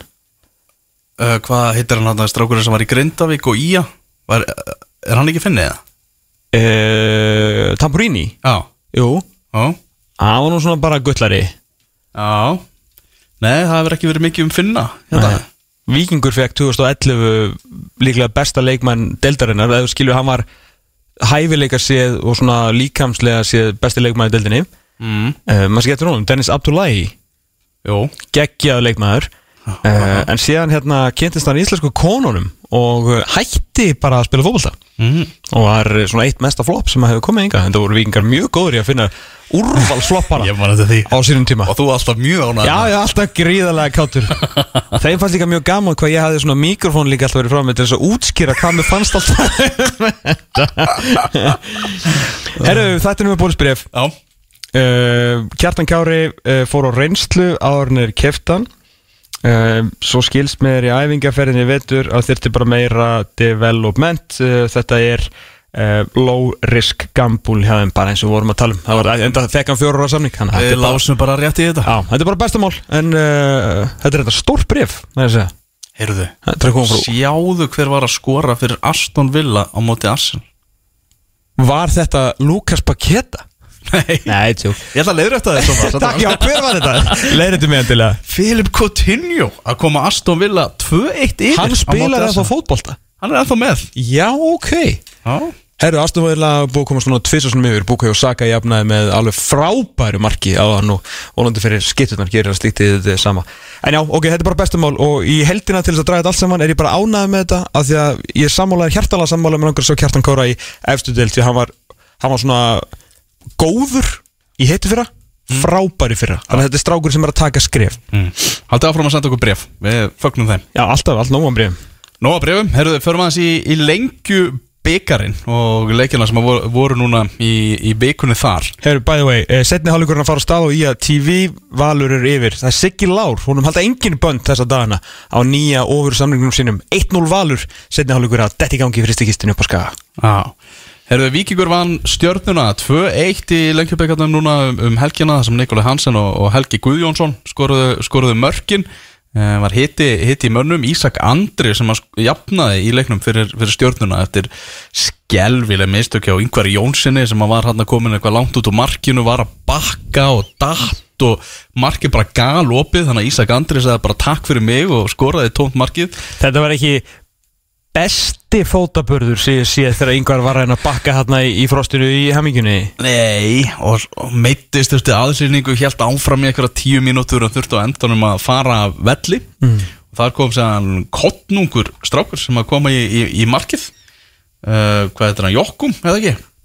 Jokkum Magnússon 2007 mótil Takk fyrir. Já, reyndar ekki skráður á leikskísluna og var svona, Uggi var skráður á Nú erum við að fara að tapa þessu leik það. Já, þannig að uh, líklega verður þessum úrslutum breytt í, í 3-0 sigur stjórnunar eins og verðist vera mjög algengt eitthvað í lengjubikatum að menn sé að spila á, á, á ólöflegu mönnum. Er það sem í alveg að fara að gerast eða? Já, hann lítur að vera. Já, frábært. Já, hann kom að inn að bekknum en ekki, ekki ekki eitthvað rámt uh, skráð skýslan en uh, hann allavega flott reynsla fyrir þennan unga, unga markmann, það er klárt mál. Já, já, þetta er vonandi er yngvar ekki ekki alvarlega mittur sko. Um, bara líka mikið til tíðinda að yfirmaður knaspundisviðs uh, uh, knaspundissamans Íslands uh, kallaði eftir því hans helsta teikur þessu leik og það að vikingur ætti að hætta að nota barfly sem markastef. Þetta væri orðið svo þreytt. Það var svona áhugavert teikja honum Já. í dóttunum í, í ger Já, ok. Og, vakti gríðarlega lukku meðal vikinga að heyra þetta frá yfirmaður knaspundisviðs KSI Já, ok, hann var að skipta sér að þessu mm. Já, maður var að halda í hefðirnar maður. Já, svo séu Arna Gunnlaugs og Björnberg Bríði hef eitthvað báðir raukt í, í, í þessum leik. Herra, Arnar Gullur, hann er bara, held ég, hann er endalega búin að gefast upp á dómurumöllindi Já, sem er ekki gott því að það er svolítið langt í móti þá en kannski er þetta gott að hann taki þetta út núna. Því að hann er bara búin að vera á blæstri núna allt prísisum ég sá nú lungan á þessum leik á Stötu Sport 5 þar og þetta var illa dæmduleikur og það er alveg ljóst að, að, að dómararnir eru, eru frekar riðgæðir og aðstofdómararnir voru svolítið mikið að giska í, í þessum leik. Já, já, nú bara februar Já, reynda gerði Jóhann ekki dómarinn vel í að spjalda Ísak Andra hana fyrir sko vandraðilega dífu Jaha. Já, tók hana Það er eitt að taka dífu sko. Við finnst einhvern veginn svo ennþá, ennþá verra þú ert að gera það í einhverjum lengjubikar æfingaleg sko. Já, reyndar Það er líka vond, vond ekki að gera þú veist þegar það er svona mikið, að mikið þegar það er myndavel, þú veist þegar það er í beinni. Já, Alltaf, þú veist, alltaf hægt að dífa sér í eigilsöllinu svona við og við en ekki, ekki þegar það eru kamerur já. Vikingar voru bara fílingislegt dalsett betri og, og, og unnu verðskuldaðan sigur sem að verður segðan að tapi út af leikmanni sem var ekki á skýsli Já, mjög gott. Já, er svo var þarna já, já, nóga, nóga leikjum og voru leikir í gær, bara fullta leikjum í, í gær. Uh, Ég fór á, á Selfoss fór að sjálfsögðu á, Kaffi Krús á, á undan til hans Tomma og, og þar var hann í, í góðu skapi, vægarsagt Var ekki létt yfir nafna? Jú, fu- alveg pakkaði staður hann var nóga peninga kom í kassan hjá, hjá, hjá namnaðinum Ok, ok. Þannig að hann var alveg, alveg í essinu sínu. Og langt sinni ég farið á, á krúsinu sko. Þarf að fara að bæta úr því. Já, Þegar svo var að, já, fór, fór ég á þennan leika sem að mínu menni í leikni voru að keppa á móti Selfossi og um, hann Gary Martin og Gonzalo þeir byggu til eina markið í leiknum sem að Gonzalo Samorano skoraði. Mm -hmm. Vaktir þetta aðtiklega að Gary Martin var ekki fyrirlið í leiknum. Það var uh, Guðmundur Tyrfingsson, mínirútan sem var, var með fyrirliðabandi Gary Martin var náttúrulega fyrirlið ekki selfisinga á síðasta tíðarbylu en spurning hvort að þeir hafi bara nefnilega hvort að Dín Martin sé bara búin að skipta um fyrirliða. Endilega ef það er einhverjir selfhæsingar að hlusta þá, þá ætti okkur vænt um bref Já, annars bara var ógeðslega kallt og ég þakka fyrir að vera bara ennþá með tær eftir að, eftir að hafa verið þarna. Og kannski, já sko fyrir hlutlausan hefði þetta verið alveg skelvilega leðilegt, ég var bara nokkuð ánægð með mína menn. Vantaði hérna Robba Haugs og Ómar Sóve sem að eru mellendi sem er náttúrulega sjá um að skora. En þannig að vantaði bit, bit fram á við. En, Ok. en ágættist í leikur náttúrulega stórleikurinn í leikjubíkandum í gær það var breyðablik FH liðin sem mættust þarna í úrslitaleg þungavíkta byggasins þar sem FH-ingar rúluðu yfir, yfir þannleik en það var heldur betur annað upp á teiningnum í, í leiknum í gær. Þar sem að breyðablik vann 3-1 sigur öll mörkin úr uh, í fyrri hálfleik. Höskuldur Gunnlaugsson, Stefán Ingi Sigurðarsson heldur náttúrulega bara áfram að skora ykkur um einasta leik. Og svo var Björn Daniel Sverri svona var sjálfsmark þetta boltan með verið skotið í hausin á ánum bara nánast frá marklínu og inn. Já, ok. Það er eitthvað frekar fyrirlega mark. Vúk með mark F-áinga Og um, Óskar Rapp sagði við talið fótballta.net að það væri svona hún þætti betri taktur í liðinu heldur en á sama tíma í fyrra. En væri svona, liðið væri svona á nokkuð nokkuð ólíkum stað. Já, ég var alltaf voru á sama tíma fyrir í Atlantic Cup bara þetta er svona aðeins öðruvísi undirbúinistipil hjá honum en fínt að, að ná fram hendum strax á, í þessum, þessum prísesón stóra í þessu er eh, er Óskar Hrafna að- rífa blasi úr bók Sigga Höskulds með persónulegan eh, saffranspons eða er þetta hann bara company man fyrir blíkana? Ég er ekki með svarið. Nei, þetta var ég til í að vita sko. Er Óskar Rapp í hátíðin á Safran alla daga? Já, hann er allan með saffran derhúu nema að sé gríðalegur saffran kritsmaður og noti hana bara, þú veist, út á allt sem bara setja saffran og seriósi sitt. Já. en ég ætla að giska samt að þetta sé saffran veitingastæðurinn Já, það verður gaman að vita bara hvort að þetta sé svona personal spons eða, eða hvort hann sé company man. Já En Aftur, já, herru, aftur, Stefán Ingi já, heldur skoru öllum leikjum Já, já og klæmynd nýkliftur á bekknum. Já, s- það er ekki hægt að taka Stefán Ingi úr liðinu þegar hann skorar og skorar. Nei Heru, Það var frábær uh, skemmtur vantilega í Mósesbænum allavega með úslitin afturhaldi ykkur þrjú fram fjögur reyndar kannski ekkit óvænt þegar þessi tvölið er að, að eigast við að, að það sé skemmtun og, og skorað. Nei, ég held að kannski Maggi getur aðeins fara að pæli að verja svona einhvern tímann. Það er, er rosalega duglega að fá þessi mörg Já, Rasmus, hann er mættur. Já, hann er að Gumi Magg með, með tvö mörg í, í þessum leik. Og Njarðvíkingar þeir unnu fjögur 0 sigur á móti gróttu. Ég er spenntur að sjá hvað Njarðvíkingar verða í ótíma bara spánni í lengjudeldinni já, uh, Ómar Díok með tvö og Magnús Magnússon með, með tvö mörg þeir eru við sem vera saman í lengjudeldinni í, í sumar. Og svo tapaði þróttur fyrir keflaðið 1-2 þar sem að uh, Nacho Hera skoraði úr víti og Jón Þór Arnarsson skoraði einning og uh, já, eitthvað, eitthvað breytti í, Akarnesvöllinni? Nei, það er uh, ennþá markalust í Akarnes höll, nei, fyrir ekki 1-0 fyrir val, Siggi Lár með marki 53 á, á klukkunni og svona, skamin aðeins að sækja nú Mm. En taldu keflæk, þeir voru að fá ástralskan sóknamann Já, Joey Gibbs 2 Joey Gibbs 2, nýja heitir Jordan Smiley en brósmildi Hann Já, er eh, Jordan Gibbs. Já, komin í staðin fyrir, fyrir Gipsaran sem fóru náttúrulega í stjórnuna Jordan Smiley fættur árið 2000 kemur frá Sydney og hefur verið leikmaður Blacktown City Nice. ég vissi þetta ekki að vera til þetta félag en nú veit ég það gerir tveggjára samning við Kefviking og uh, já, og leiknir fekk styrkingu, einnig í Daniel Finns Mattiasson, komin á láni úr uh, Garðabænum og Ólafur Flóki Stefansson sem að kemur á láni frá Valsmun, vinstri bakvöru sem að var í byrjunuleginu í leiknum í, í gæra á Selfossi stóra Eh. staðilegu strákus Það eru svo náttúrulega líka fréttir í vikunni að uh, í viku afsökunarbeðina þá aðalega frá Premi líka þá kom nú líka afsökunarbeðinu kórnum að uh, menn glemt að vökva. Ég ætla að hafa það einmitt á listanum, glemdi Já. Gott að myndist að það. Óskar Örn Haugsson uh, let uh, hérna, strákana í Háká já fyrir ekki, ekki kannski Háká? Uh, bara vallar um svona menn í kórnum heyra það. Já, ég held að það sé bara kópáðsbær sem að bera ábyrða þessu. Já, gömlum fótum hérna, gömlum og glæsilegum fótum Óskars Arnar var, var misbóðið Já. að spila á þessum viðbjóði sem að þetta þurra gerurgas var. Og hérna, og þeir reyndar báðast áskonur endanum að hafa bara glemt þessu. Menn hefur bara þetta að drífa sig heim í kjötbólur og, og horfa á White Lotus og eitthvað. Og alltaf spennandi serið hann á Sikilei þannig að þetta er aðeins svona en gott samt að þetta leistist að ég, veist, mér fannst það betra að ykkur kom fram og sagði sorry heldur en að þetta yrði bara saga núna út árið hvað kórin væri þurr sko. Kórin er mættur aftur í, í bestu deildina. Þannig að, að fínt að þetta gerist í februar Mjög gott, Já. mjög gott. Þetta þá gerist ekki aftur. Já, þannig að við þökkum bara Óskarna hugsinni fyrir að hafa verið Að að vekja þessu. Já. Já, nú þurfum við að passa vel upp á það. Við viljum blöytan kór til að hann sé bóðulegur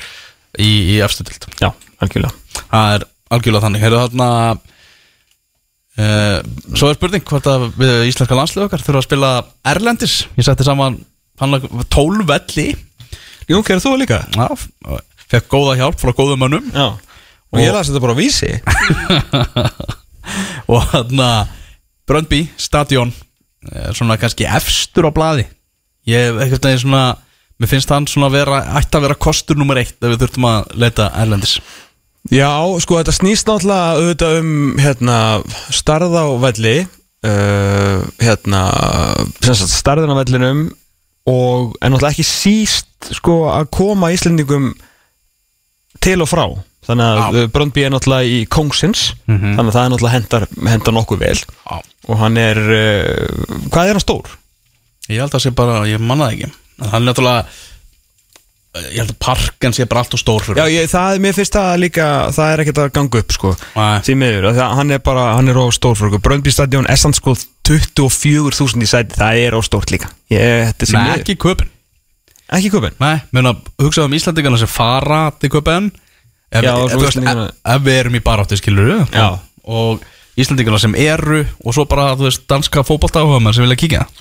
Já, þetta er náttúrulega hérna svona hvað var að segja örvæntingar, ég var samt ánað með svona ákveðin örvænting í þessu. Ég var samt ánað með KSI að henda þessu þarna út því að þau, uh, þetta er engin kjánar og þau átt að síða því að uh, þessi þjóðarhöll er aldrei að fara að vera byggð. Það bara er ekkert að fara að gerast sýrilagi þar sem núna er uh, stígandinn algjörlega með þess þjóðar höll en ekki þjóðar velli Já. Vist, hann verður, ég meina ef að ásmundur einar fara ykkur að ráða þá verður hún komin hérna fyrir 2025 mm. með að við uh, hvað borgin hefur engan áhuga á að gera þetta nema bara svona með, það er alveg að pína á þetta því að borgin stendur svo illa hérna, þeir ætla bara borga eða fyrir eskulu starfs hlutana þessu líku við heldur en ekki, ekki bygginguna á því en veist, þeir vilja, samt- þeir vilja bara leikfum með sal. Leika með sal sko hana, En það, það gæti samt verið að þetta veri gert En það er ekki séns nýja bens Að Reykjavík bór sér fara að taka þátt í að gera þjóðar Völl yfir höfuð og hvað þá ef þeir að taka þátt í að gera þjóðar höll. Þannig að uh, hérna, þetta er, þannig að Kási búin að átta sig á því að þeir eru algjörlega dottur út úr umræðinu og allt, allt það sem er búið að vera í gangi hérna, allar frum aðtuganir og, og framkvæmda stýru bla bla bla kjaftaði sko, sem er búin að vera í gangi út í hvað lengi og þessi fundir sem maður er búin að fara á og skrifa einhverjar, þegar maður var nú ennþá blaðamaður þessar starfandi blaðamaður að skrifa einhverja greinar um að þetta ég man nú eftir fundinu með, með Bjarnar Ben og Kötu sko, þá held maður að þetta var að koma og það var náttúrulega Geir Þorstins Ah. sem setti þetta á stað, þetta er svo gamalt dæmi sko. Svo tók einhvern veginn Guðni boltan og það var þessi hérna, fundur og það átti alltaf að vera klárt. Reyndar var hérna vandamur stórfurðuleg ummæli í viðtali við Einar Örn Jónsson á dögunum að við hefum átt að bara láta slag standa þegar allt var klárt árið 2019 Ég veit ekki hvað hann hvað bull var það? Og svo var ekki, var ekki spurning frekar út í það þannig að ég skildi ekki alveg Það var ekkert allt klárt Nei, það var alls ekki, bara alls ekki neitt klárt. Hljómaði eins og þetta er bara að taka skóplustúkun og og bara byrja þetta. Já, þannig að uh, hérna, þetta er, þannig að það er KSI allan, þetta er, þetta er, þú veist, ég var ánað með þetta að setja svona smá lúmska pressu á yfirvöld, að, að meina, þú, ætla þú í alvörun að vera stjórnmálamæðurinn sem að uh, setur, bera ábyrð á því að íslenska, hérna, íslensku landsliðin annarkvort þeirra muni ganga út á Bröndby stadion gegn okkar gömlu fangilsinsvörðum og, og spila landsleika því að þjóðar leikvangurinn okkar er bara óbóðlegur til keppni eins og við séum eitthvað, þú veist, hottentott á þriða heimsríki Vandræðilegt er þannig. Herru hér rétt að eftir Þórir Hákunarsson við ætlum að skoða komandi ásting KSI ásreikning og það tilhugur sem að liggja fyrir þinginu. Það er út af satturinn fótbolti.net hér á X-inu 977 og ætlum að eh, kannski koma því að að Aston Villa er að vinna Arsenal 2-1 í hálfleik í ennsku úrvarsleitinni Við ætlum næst að fara yfir í fótbolta pólitíkina Tómas, það er komin góðu gestur. Það held ég fyrirhandi frangandastjóri Knæspunnu Sambands Íslands einnig stofmeðlum meðlum um ITF og fyrir íþróttastjóri Þróttar maðurinn eh, okkar lead political eh, analyst og eh, einn allra vinslasti maður á sinu gamla vinnustad KFC Þórir Hákonarsson, heil og sæll og velkomin, gaman að segja þig. Takk kærlega fyrir það, heilir og sælir félagar. Herri, við veitum alltaf hvað er að gerast í februar þegar þú Já. mætir, þá styttist í ársting og við viljum fá að vita svona hvað er að gerast á, á, á baku tjöldin, hvað er á bakvið þessar uh, tillögur sem eru komna núna uh, en stóra svona, svona heldarmyndin á þinginu núna orðið sem að flestir nota er óspennandi. Uh, Já, ég er svo ekki ég er ekki alveg sammálaði Ok. Ég held að eða, það er allavega svona nokkur nokkur atriðarna sem er alveg verðt að, að hérna svona vekja svolítið aðtikli á Þetta er auðvitað alltaf þegar það er þannig að, að það er sjálfkjöru í stjórnina eða það er ekki kostninga bara átt að einhver og, og eitthvað slíkt í gangi þá verður þetta alltaf svona þinnist þetta pínlítið út. Annarkvört ári er alltaf aðeins minna áhugavert það er ekki já, formarsambóð já, og, og ég, hérna, ég svo sem veit ekkert ég þekki ekkert hvernig þáttakan er á þessu þingi en svona miðað við hvernig staðan var í, í gær svona fram eftir degi allavega þá, þá fannst mér ekkert vera neitt svakalega mikið áhugavert í, í gangi hérna það eru þó nokkra, nokkra tilöf bæði frá ITF og þetta stjórn KSI líka.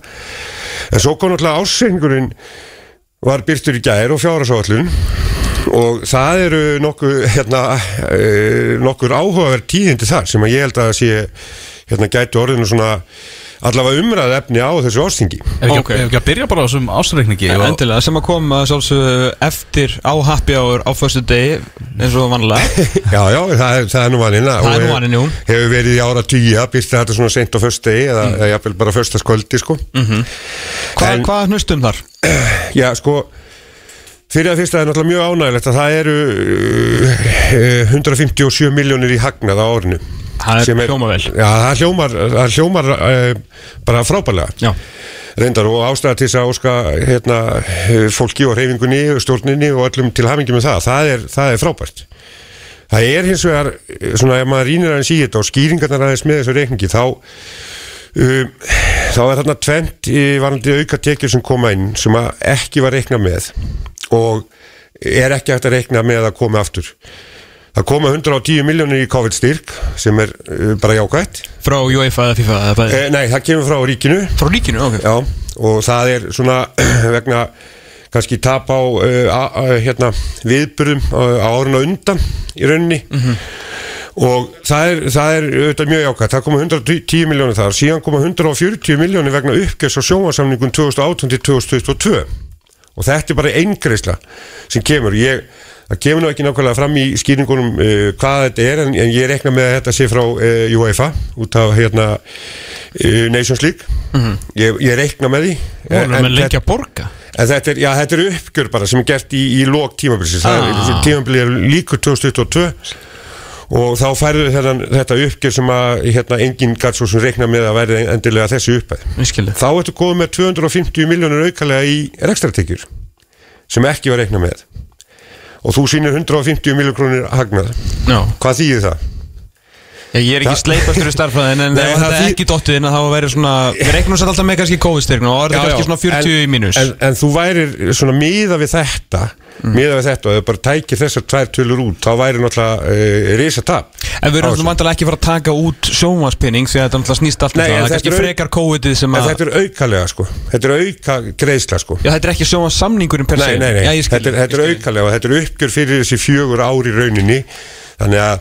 per se Nei, nei, nei, Já, ég skil, þetta, þetta ég skil. aukalega og þetta uppgjör fyrir þessi fjögur ár í rauninni Þannig að Þetta ætti þetta færast á, eh, hérna skiptast niður á fjögur ári en þetta kemur inn á einu ári þannig að þetta er fært þarna, ok ég, ég, en þetta er bara svona eitt af því sem maður nýtt svolítið um að það, það er e, sko, tekjurnar, það er auðvitað mjög ánægilegt að það sé eitthvað sem kemur aukalega inn Mhm.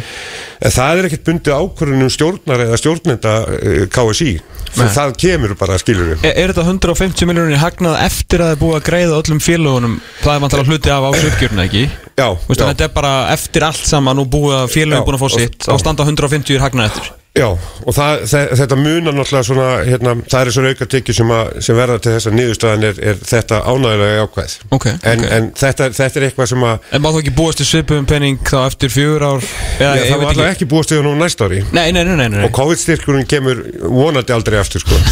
ég ætla, ætla rétt að hún ekki sko. Kanski afreikstyrkur í staðinn, einn daginn en, en sko Gjöldin hins vegar eru náttúrulega hérna, þau eru hins vegar alfarið á, á, á, hérna, á borðið auðvitað stjórnar og stjórn, stjórnenda og, og það eru svona ákveðin hættumerki finnst mér uh, það er svona ef maður kíkir aðeins yfir þetta. Það er eiginlega bara nánast allt saman sem fram, fer fram úr áallin landslýskostnaðin er 60 miljónir fram úr áallin mótakostnaðin 10 miljónir uh, skrifst og stjórnarkostnaðin 50 miljónir sem er, er hérna mjög, mér finnst það mjög aðtiklisvert allavega. Skýringin ég las þetta aðeins í- yfir gæri þá náttúrulega auðvitað bara launahækkanir í landinu um, umbunin eða hvað kallar þetta uppbótuna fyrir hérna auka mánuður en hvað þið fengur fyrir EM kvenna?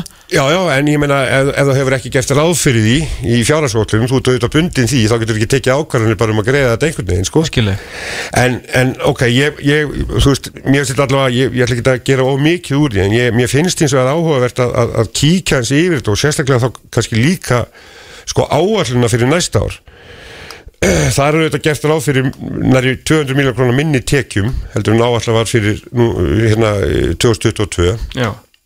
Uh, eða sem sagt niðurstaðan var og það er skiljalegt, það er þessir COVID-peningar og, og sjóvarstekjurnar aukalega kom ekki eftir Nei.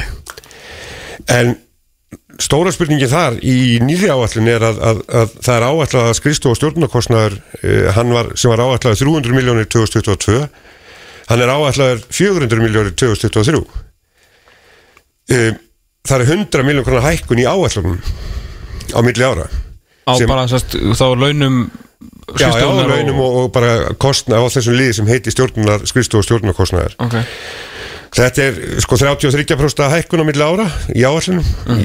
Ég, ég myndi halda að það væri mjög óvinnilegt en það þarf auðvitað að fá einhverja frekari skýringar á því. Það fylgja svo sem ekki nægilega skýringar á því. Þannig að ég ætla nú kannski ekki að Va- Varstu í eitthvað símanum í gæri? Menna, voru menn fannir að Nei, nei, ég var, ég var ekkit, ég var ekkit, nei, nei, ég bara kíkti á þetta gerkvældi, sko. Já, en þú Og- veist og ekkert hérna- hvort að það sé myndið ykkur undir alltaf út af, út af þessu Nei, ég, ég bara veit ekkert um það, Nei, en ég finnst allavega að það þarnast og auðvitað er þetta bara byrt í gær og það er enga skýringa með þessu, þannig að,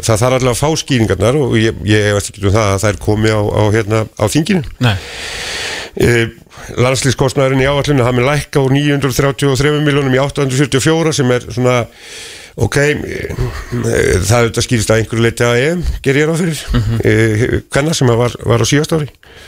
En það sem munar mest um er, er skristu og stjórnarkostnæðurinn sem, sem er orðin svona Já, ég veit ekki, það þarnast allar að fekari skýringar að hækka hann um 100 miljónir á, á milli áallana Þa, það, er, það er ótrúlega tala sko. Já, Þannig að það er eitthvað sem það þarf að klála að fá skýringu á Já. meina mögulega er, er verið að hugsa um það að fara að bæta við einhverju starfsfólki eða eitthvað? Fyrst þetta svona svakaleg hækkur Já, ég, ég hérna, eh, það kemur kannski ekki ná- nákvæmlega fram hérna, jú, jú, þetta, þetta fælst vissulega í einhverjum launa, launahækkunum og þá hérna viðbútar starfi og, og á fundi hérna frangatastjóra og formanna í haust þá þá sagði, eða gerði bara vanda grein fyrir því að það vandaði fleira starfsfólk á skrifstofuna.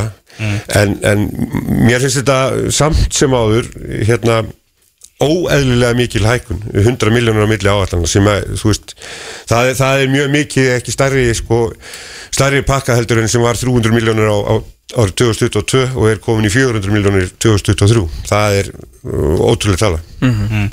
Það kom þarna fram tekjur á landsleikjum ég svona tók að því árið 2023 er gett ráð fyrir 55 til 80% sætanýtingu á heimaleiki A-landsleis Karla Já. þannig að þeir eru ekki greinlega búist til því að það verði húrrandi stemming áfram fyrir, fyrir Karla landsliðinu 55 til 80% sæta verði, verði nýtt. Uh, það skemur aðna einni fram og þarf líka að fá skýringu er að, að í tengslu ásmaðsölu verður kynnt til nýtt miðasölumódel og markmiðið með því að fjölga áhörundur leiki og auka tekju til lengri tíma. Samlega þessu verður kynntar ýmsa nýjungar sem ætlaður að bæta upplifun áhörvenda á lögadalsvelli Já, Býttu nú við. án þess að það er nokkuð komið fram hvað það á að vera þetta er áhugavert. En þetta er, ég, ég, hérna, ég, ég sá þetta mitt líka og mér, það, mér finnst þetta mjög áhugavert og, og þetta, eru, hérna, þetta eru skemmtilega, þetta er nú kannski ekki mikla pælingar á baku þetta en, en hérna Ekki, en ekki í vonandi- skýstunni en kannski fá Er Nei. eitthvað sögur á morgun? En- Nei, en- eftir viku. Eftir viku, vonandi fáu bara frekari hérna, skýringar því. Mér finnst þetta allavega ánægilegt ef að, ef að hérna, á að fara í eitthvað til að auka upplifun áhörenda á, á vellinu. Það er bara, það er stórkostlegt ef að það er hægt sko. Já. Allan eru úrslitin svona hingað til ekki að uh, bæta Nei, okkar nei, neitt það, það kemur og, og mun haldast á í hendur þegar að fara að mætja fleira á vellinu og Að það er skemmtilegur upplifun og upplifun er ennþá, betur þegar, þegar landsliðin fyrir að fara að vinna að einhverju viti Eigum við ekki leik hérna á þjóðtíðadagina? Nú, eða það ekki? Já, ég þessi leikur 17. júni Já, það er svo leis Já. En þið færið örglega með rétt mál þar Þarna fyrirsögnin í þegar að afslækningu var byrtur grunnur styrtur til framtíðar og svona með við það sem þú varst að segja að það var einskótt að þessi grunnur sé til staðar svona með við það hvað við, við erum ekki að fara að fá eins og þú segir þess að tekur inn eftir, eftir ár Nei, og og ég, ég bara hérna, þú veist, við ítrekka það auðvitað er ekkert búið að fara neitt það er ekki búið að fá skýringarnar á þessu Nei, nei. öllu saman, en, en hérna Finnst það Ásækningarnar ekki er sérstaklega tröstu grunnur að ég að segja alveg segir ef, að- ef hérna, tekjurnar er að, að lækka en, en kostnarinn er að, að hækka í rauninni sko. það er ekki, það er ekki tröstu grunnur til framtíðar svona, til lengri tíma litið en, en það geta verið e, alls konar skýringar á þessu og við fáum bara þær skýringar á, já. á hérna, ásenginu Já, þetta eru svona spurningarna sem að þú býst við að, að hérna að fóraðamenn félagana muni leggja fram á, á Já, já, ég, ég, hérna, ég rekna nú með því að vera sjálfur fulltrúið hérna, ég með allavega að leggja þessar spurningar frá þá ef, Ok. ef að ég verða á svæðinu sko. Ok, Stóra spurningin er, er ekki Viðar Halldórsson örgulega fara að mæta? um, Nú bara hef ég ekki hugmyndu það. Bara tryggja honum flug og gistingu takk. Já, það, Já. það, það, það er spurning að þurfa að koma sko. Já, Já, já, ég, ég meina, og það er ekkit óæðlegt í það, þú veist, menn verða að spyrja spurninga, það var nú, hérna, lítið var í þetta í stærstu fjöldarhefingur á Íslandi ef það kem ekki frá spurningar um ásegning, sjálfsögðu, það verður nú eitthvað stórhulegt en, við höfum oft talað um að það er samt vandamál að spurningarna koma oft ekki fram. Við, erum að hitta alls konar fólk í fótballtarhefingunni Fyrirgjöfinur, við erum ekki með uh, við erum ekki fullur á þinginu þar sem þú actually hefur já, rödd, akkurat, sko. já, ég skil, skil Herruðu, þingið sem slíkt uh, maður er búin að renna yfir þessar uh, tillaga, tillögu breytingar uh, Já. tillaga breytinga uh, 89% að þessu verðist komið frá íslenskum toppfóbolta ITF sem að verðist að vera að að skerpa á og brína það að þeir eigi efstu tvær deildirnar. Gekk vel, þeir sendu sjálfur út ég veit ekki hvort það var ásverningur eða bara yfirlýsingu um að það hafi verið 5 miljonar konar hagnaður á þeirra fyrsta bestu deildar ári Já, já. eftir uppgjör og öllu og hefði svo sem verið meira ef að þetta kostar hellerins hellingspenning að koma svona dæmi á stað en Já, já. þeir vilja, það sem er lagabreitingarnar eru að þeir vilja fá áhörna sérst, að varaformaður ITF megi leysa formaninn af á fundi KSI Já. sem að myndi því að það að ég, ég ég gleð svo mikið að segja þetta þá fyrir Jón Rónar Halldórsson á fundi á KSI eitthvað sem menn En- hafa óttast þarna lengi. En sko, en sko, já, bara, bara stöldur við þá tillögu. Ok. Sko fyrst, í, fyrir að fyrsta þá var náttúrulega uh, svo tillaga að formaður ITF uh, uh, fengi sæti í stjórn KSI Mhm. var í rauninni lögð fram uppalega af stjórn KSI ok, Þannig að það sé á hreinu. Auðvitað eftir samtal við, við ITF Já, já. En, en, en það, niðurstaðan var svo ár heldur þetta hafi verið þingið 2018 að, eða 2019 annarkvort að það var stjórn KSI sem laði þess að tillögu fram. Mhm. og það er eðlilegt í því ljósi að, að hérna, formaðurinn er sérstaklega kjörin af ITF Mhm. að, og varaformaðurinn líka að það sé einhver sem getur hlaupið í skarðið ef að, ef að formaðurinn er, er er, mér finnst það bara eðlileg, hérna, eðlilegt. E- ekki spurning og náttúrulega þetta var líka svolítið svona, pólitist á, á sínum tíma því að formar í TF þá hefði náttúrulega verið áður helsti anstæðingur uh, sittundi formans KSI en svona er þetta bara baka töldu formi Já, já, svona- svona gengur þetta bara svona bara gengur þetta fyrir sig. En varandi hérna réttindamálin það er ekki, það er ekki verið að, að uh, endilega segja, uh, þú veist, það er alveg skipt í lögunum núna að, að, að það er KSI og félögin sem eiga öll, þessi- öll þessi réttindi. Það er aðeins verið að skerpa því að, að ITF sagt uh, f- fari með þessi réttindi fyrir hönd félagan í þessum tveimur eftir bæði kalla og hvenna og það er, það er nöðsild að það sé sé nokkuð skýrt því að, því að hérna, það er um uh, töluvera fjármunna að ræða og það er mikið hérna, það er allavega líkur á því og, og ég hef nú alveg fulla trú á því að þessi, þessi fjármunir er eftir að aukast á komandi árum. eh, allverulega. Og þá, þá verður að líka alveg fyrir hverjir fara með eh, hvaða aðilar það eru sem fara með þessi réttindi og selja þau. Byrðu voru ykkur hérna uh, Já, sagt vísa þessu til uh, hérna laga, eða ekki? Þeir, þeir ekki, þeir er ekki að móti þessu? Nei, en þeir eru svona alltaf eitthvað að skoða þetta aðeins frekar. Já, já, en ég meina þetta verður bara tekið fyrir á þinginu og gerð inn fyrir þig þá, en ég held líka að það er, ég held að segja fundur með aðaldafélagum þeim sem vilja á þriðjudaginn uh, tímasundur, bara til að fara yfir allar tillögur, þá Já. kannski skýrist þetta eitthvað aðeins betur, sko Uh, Það er hérna, það sem kom kannski mest á óvart í að því að nú fær stjórn KSI eða, eða mótanemdin eða, eða, eða eftir hvert tilefni er nefndir uh, fá uh, hérna tækifæri til þess að, að veita svona um, hvað er þetta uh, þau, þau hérna taka þessar uh, tillögu fyrir og veita einhverja svona umsagnir.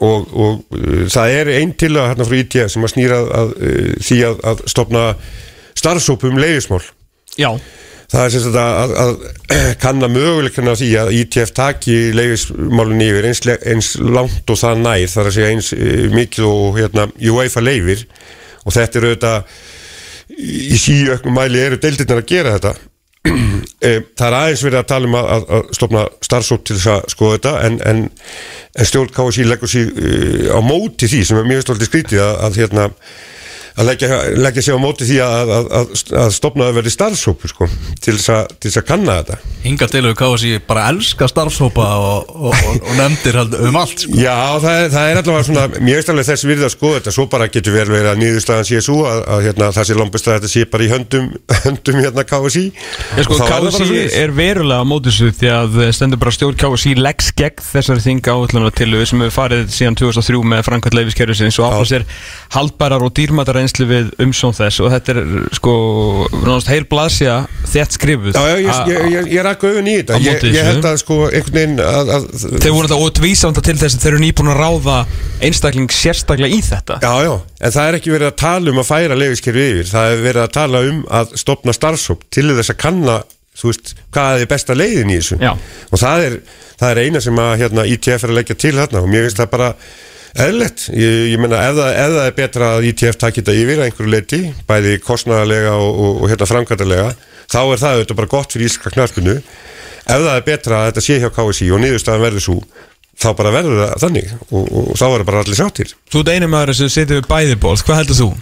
E, Að ITF eða KSI eigi að vera með leifiskerfi? Já, ég held allavega svona miða við það sem að undan er gengi núna undanfæri í ákvörðum varðandi í leifiskerfi og, þá, þá, og það er nú einn til að hann í, í viðbót að leifiskerfi gangi ekki lengra heldur en hjá UEFA allavega þarf að uh, auka samráði verulega á milli að það sé ekki tekna bara ákvarðanir um það að eins og til dæmis það að þú þurfur að vera með kvennalið í, í deildakefni eða að vera með lið í eftir deild uh, kallamegin Byrju, er búið að s- samþykja það? Þetta í Já, það, það var hjá, hjá af stjórn KSI og ég held að, að hérna, þarna ef- hefði betur verið svo- farið að stað sko með því að ræða þetta aðeins við félögin og kanna svona hvernig landi liggur í því. Því að þetta er auðvitað svolítið bara þessi ákvörðun er hamlandi fyrir uh, til dæmis bara smæri lið út á landi Mhm. uh, sem að hugsalega geta uh, hérna vestri kennst ekki upp eða ef þetta gildir Uh, já, ég held að séu reynda konu með, með kannalinn núna en, en það En- er sama, en það er allur gangur á því sko og, Er, er þetta samt svo það brútala ef að minna, það var allt til dæmis í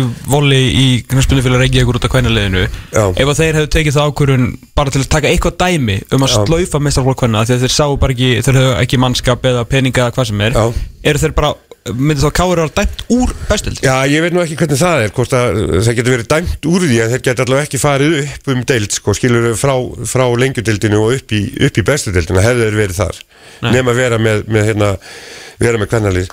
Er Júfa er ekki svona ströng, sko. Já, það er sko bara engin umræð á sér staðum það Er það, þú veist, kvennaboltanum á Íslandi til framdráttar að reyna að stopna sem flesta mistaraflokka út um allt Hjálpar það, er- íslenska kvennaboltanum í, til lengst tíma? Já, já, akkurat, en það, þú veist, þetta er bara samræður og samtal sem hefði, finnst mér átt að eiga sér stað, sko, áður en að menn leggja á stað með svona, sko. Já. En, En byrjuðu samþýtti KSI þetta bara að setja þetta á stjórnarfundi. Já, að félögum fengi ekki að vera með í þessu? Nei, ég veit ekki til þess að það hefur nokkuð verið rætt við, félögi varandi, varandi þetta. Ég skil alveg pointið í þessu þetta er svona, veist að það er ákveðið jafnbreytti sjónamið í þessu og það, það er skiljanlegt en það verður að hugsa sko, er þetta best eins og Elvar segir sko, er, er, þetta, er þetta best fyrir kvennaknarsbundina og er þetta best fyrir knarsbundin í held Já. en það eru svona ákvarðanir sem við erum að bara tala um varandi þessi leiðusmál sko, að, að hérna, hugsalega væri hluta þessu uh, ekkit endilega allt Já, sko, allt leifiskerfi getur aldrei farið alveg yfir til ITF frekar en annar deildarsamtaka, það verður alltaf úrskurðaraðalinn verður alltaf hjá yfirkomandi knarspinni sambandi En einmitt með þetta sem við vorum að tala um um sagt til þess að vera með liði í eftir deild kalla þá einmitt leggst stjórn KSI gegn þessari tillögu. Um, sko bendir hérna á að eh, sagt, já nú síðast var einlega svo krafa öll félög sem taka þátt í eftir deild kalla sendi einni lið til í meistarflokk kvenna frá 2024 Já. í því tilliti má meistarflóðslið vera starfsvægt samilega með öðru liði, einnig má benda á að Hérland voru aukna kröfu til mentun og þjálfara eitthvað bla bla uh, það er mikilvægt að mati stjórnar KSI að hægt verið að innleiða í leifis reglugerð forsendur sérsnýrað að íslenski knaspinu með það að markmið að bæta umhverfi aðaldafélag KSI það eigi að vera mögulegt án þess að miða sér við lámark sem kveði er á um í júfa reglugerð hverju sinni. Segir í þessu ansvari knaspinu samansess Eina sem að hérna, held ég að félist í þessari tillögu að að stopna starfsóp til þess að fara eins yfir það hvernig ákvarðanir eru teknar í leifiskerinu hvort er ekki hægt að hafa meira uh, samráð og hvort að hlutaði geti farið yfir til, yfir til ITF en þetta er bara eitthvað sem að hérna, uh, þingi verður auðvitað ákveða uh, en ég ítrykka það, mér finnst undarlegt að, að, að, að það sé eitthvað lagst sérstaklega gegn því að það sé, uh, hérna, að þetta sé skoðað. Með leifiskerðu þá? Já. Já einmitt. Þannig að þegar ég sett inn frétt í gær uh, sjálfkjörið í stjórn KSI stefnur í óáhugavert ting var, var fyrirsögnin, var ekki allir sammálusu þar um aðal ekki vinnum hennan Dotti Þórður Einarsson yfirþjálfari uh, yngri flokka þróttar og talar um já meðalannast þá resa stóra ákvörðun eins og hann orðaða að, sem hefur fengið enga umfjöldun að lengja kjörtímabil formannstjórnar úr tvö í fjögur ár. Þannig að uh, ef vanda er kjörin formaður þá er hún formaður til næstu fjögura ára ef að þetta er samþygt Já, ég hérna mm, það kom mér óvart að þetta kæmi út úr uh, þessum hérna uh, hópi sem að fór með, með hérna stjórnskipulagi vegna þess að þessi tillaga var tekið fyrir uh, árið 2018 mm. það var reyndar hérna reikna með, það var gert ráð fyrir sko, er lengt úr tveimur í þrjú ár mm. og eftir umfjölduna á því þingi þá var uh, öllum tillögunum vísað tilbaka og átt að taka það fyrir aftur árið 2019 og þá var búið að taka þessa tillögu um, um hérna, lengingu á kjörtíðanbölinu út. Þannig að þingi var fyrir nokkrum árum ekki lengra síðar heldur en 2018-19 eiginlega búið að hafna þeirri tillögu að lengja kjörtíðanböl formans Ég, ég ætla ekki að hafa neinar uh, sérstakar skoðanir á því sko, hvort að þetta er skynsalegt eða ekki. En hins vegar, hins vegar finnst mér skríti að þetta komi fram aftur núna eftir svona um, skamman tíma frá því að það var eiginlega búið að vísa þessu í burtu ah. á þinginu En rökin fyrir því að þetta séu fjögur ára en ekki tvö er að bara einhverjum finnst að, að bara tvö ár séu skammur tími til að þú getur látið já, bara verkinn tala í, í, í formastólnum Já, ég, ég er nú ekkert endilega sammála því ég menna það, þú veist, þú hefur þú, þú hefur að minnst kosti þessi, þessi tvö ár til þess að, að, að láta ljósitt svolítið skína mm. og e, ef að gerði grein eh, nákvæmlega fyrir því ákvaða vegferð þú ert eh, og stjórnin er ákvaða vegferðir eru þá þurfa menn ekkert að óttast það mm. uh, ef að upplýsingarna liggja alltaf fyrir ákvaða vegferð þú ert hérna eftir tvö ár sko mm. ég, ég, mér finnst engin, engin sérstök ástæða til þess en það fylgir þessu reyndar ekkert svona um, eða þessari tillögur fylgir ekki neinn sérstök svona skýring eða, eða hérna um, það er ekkert gerðin sérstaklega grein fyrir þessu, þetta er bara sett hann inn og ég held að þetta kannski að, að hérna um, bara það, er hljótt að koma frekari skýringar á því hvers vegna, er, hvers vegna þetta er gert sko. En er þetta ekki alltaf, eða, er þetta ekki fara að vera samþýtt? eða? ég bara hef ekki hugmyndu það eins og segi, eru bara að fa- 2018-19 var þetta ekki samþýtt sko Nei, nei, þá var þetta heldur ekki, það var ekki kosið um þetta þá. Nei, þetta var 2000, og- já, en það kom fram tillaga um að vísa þessu frá. Og, og það var samþýtt með miklu Ah, meiri hluta ah, þannig, að, þannig að hérna, ég held að megin nú lítið þannig á að, að þingið að sko til þá hafi ekki verið sammála því að, að, að lengja kjörtímabili En ég er- held að hafi líka bara gefist ágætlega að hafa uh, tveggjára tveggjára kjörtímabil. Það, það sýnir uh, ákveðið aðhald og, og hérna og eins og ég sagði, ef að upplýsingarna líka allar fyrir um á hvaða vegferð viðkomandi formaðar er hverju sinni og, og, og hérna svo stjórn sem kosin er þá, þá held ég að menn þurfi ekkert að óttast að vera láta kjósa um verk sín á tveggjára fresti. Uh, Þetta er náttúrulega líka verið að setja núna inn eða ekki samhliða þessast þrjú kjörtíðanbíl max.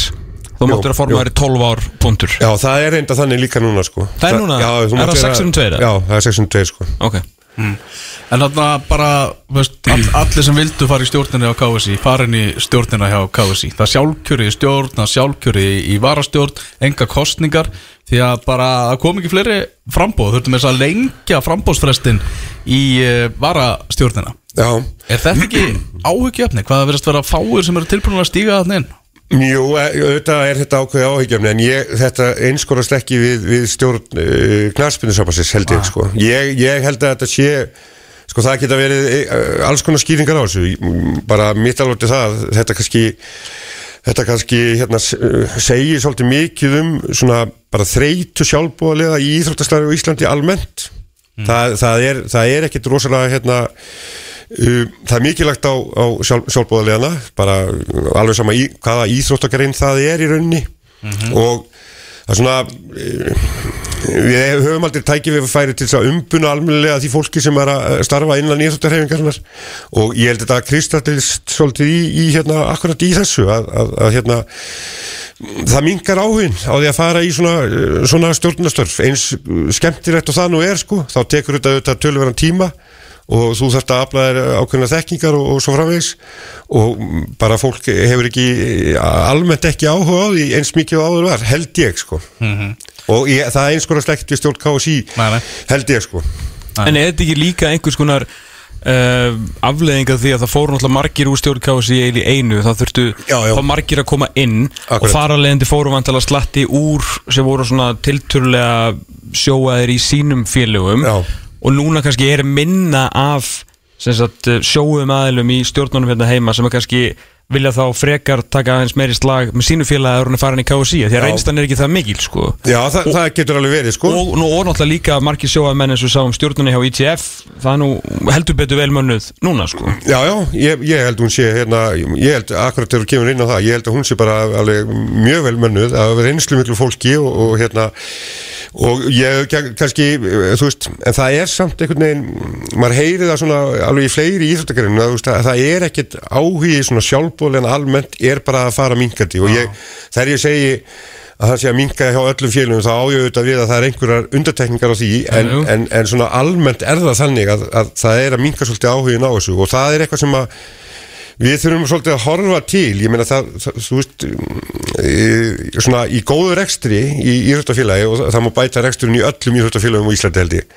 En í góðu rekstri þarf það að geta hort eh, svona fimm, allavega fimm ár fram í tíman helst, það er bara ekki tækt á Íslandi því að það eru flest íþróttafélagin að horfa bara næstu, fram að næstu mánaðamótum sko. Og séðan bara í stjórn ITF í dag sem var hérna, skipuð í, í þessari viku orðin alltaf forma Jón Rúnar Heimi Gullundsson búin að vera í þessi 15 ár hjá Vikingi, Baldur Braðarsson, Háká, Jónas Kristinsson hvað er búin að vera í þessi 30 ár Já, já. eitthvað og, og svo náttúrulega King Sammi líka sko. Já, já, Fyrir vestan og, og, og, og fyrir Guðbjörg Guðbjörg- hérna afturöldingu það, er, það, er alveg, það, er, það er fullt af, af, af hérna, sínu fólki og reynslu miklu þarna og ég held að, að hérna, það sé alveg þörf á því og, og ekkert síður heldur en hjá, hjá knarspilsambandinu en ég, ég held að áhugaleysið skýrist ekki eða einskólist ekki við, við, við bara stjórn knarspilsambandsins þetta er bara svona almennt í íþróttarhefingunni sko, sem að, en, en þetta er vissulega áhugjefni og við þurfum að hérna, eitthvað svona ég ætla að man ekki eftir því svona í fljótu bræði að það hefði þurft að framlengja uh, frambóðsröst, ég, ég man ekki eftir því í fljótu bræði en það, ég er ekki útilokað sko. En Það er ekki langt síðan að ég man að hvað voru margir hérna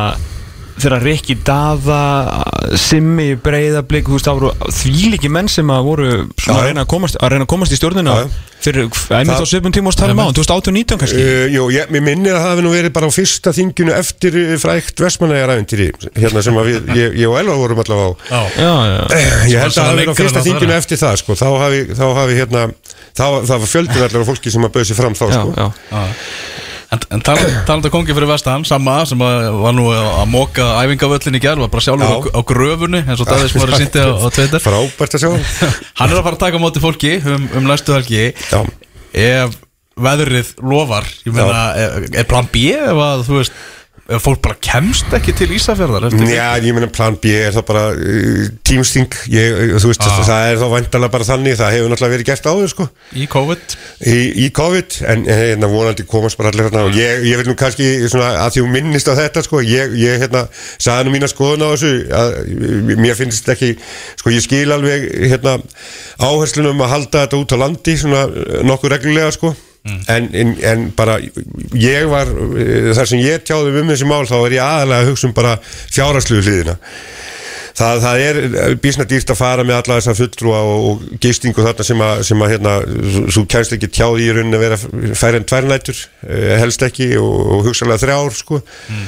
Og, og það er svona á þessum tíma ekkit, ekkit sérstaklega gott að, að hérna að fá far vestur Ég vil bara, þú veist, ég hef sagt það lengi ég vil bara halda alltaf þingi á, á höfuborgarsvæðinu, ég, þú veist, ég skammast mín ekkert fyrir að segja, ég vil bara halda alltaf á höfuborgarsvæðinu og að knarspindu sambandi borgi fyrir alla fulltrúa sem komu utan landi Þú mátt segja þetta sem, sem sigfyrringur Já, ég, ég meina, ég, ég er bara þeirra skoðuna, sko ég, ég, finnst það bara, ég held að, að það kæmi betur út fyrir alla uh, fjárhagslega og, og, og annað að, að, að hafa þetta bara hér og hafa þetta nokkurnu einn á sama stað bara Já. og, og hérna, en, en á móti kæmi að, að, að, að knarspindu sambandi myndi alltaf greiða fyrir, fyrir hérna, fulltrúana sem utan á landi mm. Tíminn að fljúa frá okkur Er, er að gleyma ykkur á, á þessu tingi? Nei, kannski bara einn til að hann í viðbót frá, frá ITF sem að ég hérna, held að sé kannski svona ve- vert að vekja aðeins aðtegla og það er bara varandi hérna flóðljóks á völlunum uh, sem, að, sem að ITF leggur fram að, að félögin fá einhvern aðlögun á því en, en það verður komin uh, alveg fljóðljóks 800 lúks á alla keppnisvelli í eftir deildum uh, hérna 2024 eða, eða nei, 26 minni mig. Sem er eitt, þarf bara að skipta um peru eða er þetta meira mál þarf þetta að fella niður mastrið? Ég, ég sko, það er það sem að ég hef nú ein, til dæmis verið að ræða við hérna fórsvarsmenn einhverja félaga hérna og það er nú bara ekki alveg, alveg vita mál, ef þetta er að, að skipta um perur eins og til dæmis bara hjá vikingum að því að þeir eru til dæmis nýbúin að fá flóljós þá er þetta ekkert mikil kostnæður en það er líka hægt að útfæra þetta á ýmsan hátt, ég meina uh, reyfingin á Íslandi fær uh, held ég, mér minnir að það hafi verið fjórar og hálf miljón evra í mannvirkja uh, sjóð eða svona þróunarsjóð frá UEFA á fimm ára tímabili. Það væri hugsalega hægt að nýta einhvern hluta af þeim fjármunum í það að, að, að flóðlýsa alla vellina í eftir deildum. Einhvern hluta og hugsalega kæmi þá borgin með, með hlutaði í tilfelli Reykjavíkur. e, og Hafnarfjörðabær þó í tilfelli FH en það er hægt að útfæra þetta á ýmsan hátt. En ég held að það sé bara mikilvægt við, við horfum til þess við erum að lengja tímabilið að við tökum þetta alla leið og opnum allavega umræðan um það að við þurfum að vera með uh, alvöru lísta velli. Ef við ætlum að hafa kemstíðanbili fram í mánaðamótin oktober-november og byrjaði í april, það er ljóst. Algjörlega, algjörlega. Þannig í uh, á Ísafjörði um uh, næstu helgi uh, Aston Villa 2, Arsenal 2 Sintchenko sem að jafnaði metin á 61. mínútu.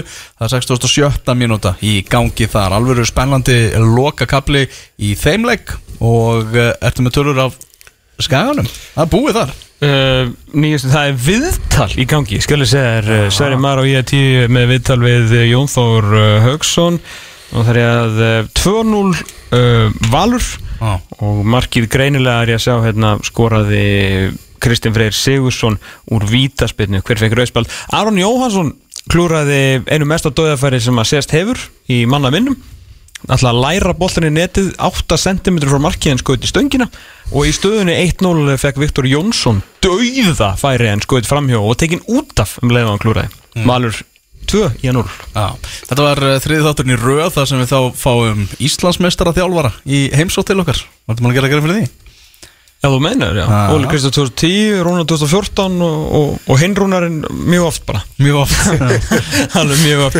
Herru, þá heldur ég sé bara búið hjá okkur í dag við, eh, sem fyrir segi, vorum með Rúnar Pál Simundsson sem að eh, var eh, bara ánæðasti maður síðan nokkuð tíma hitt. Hann elskar árbæðin Hann elskar Árbæðin, elskar Gambo de Mór, elskar Ísafjörð, elskar fylki, veit í hvað og hvað. Einmitt fylkir er að fara að spila við Þórun og klukkan þrjú á Vúrþvellinum upp í Árbæði. Tókum að stöðunum með honum, fórum yfir frettir vikunar og endum svo á fótboltapolítikinu með Þóri Hákunarsinni. Ótíðan bara spáin í lengjudeldinni er aðalatrið hjá okkur um næstu helgi sem er cirka bót eftir 6 dag og 22 tíma. Sanga til, verið sæl.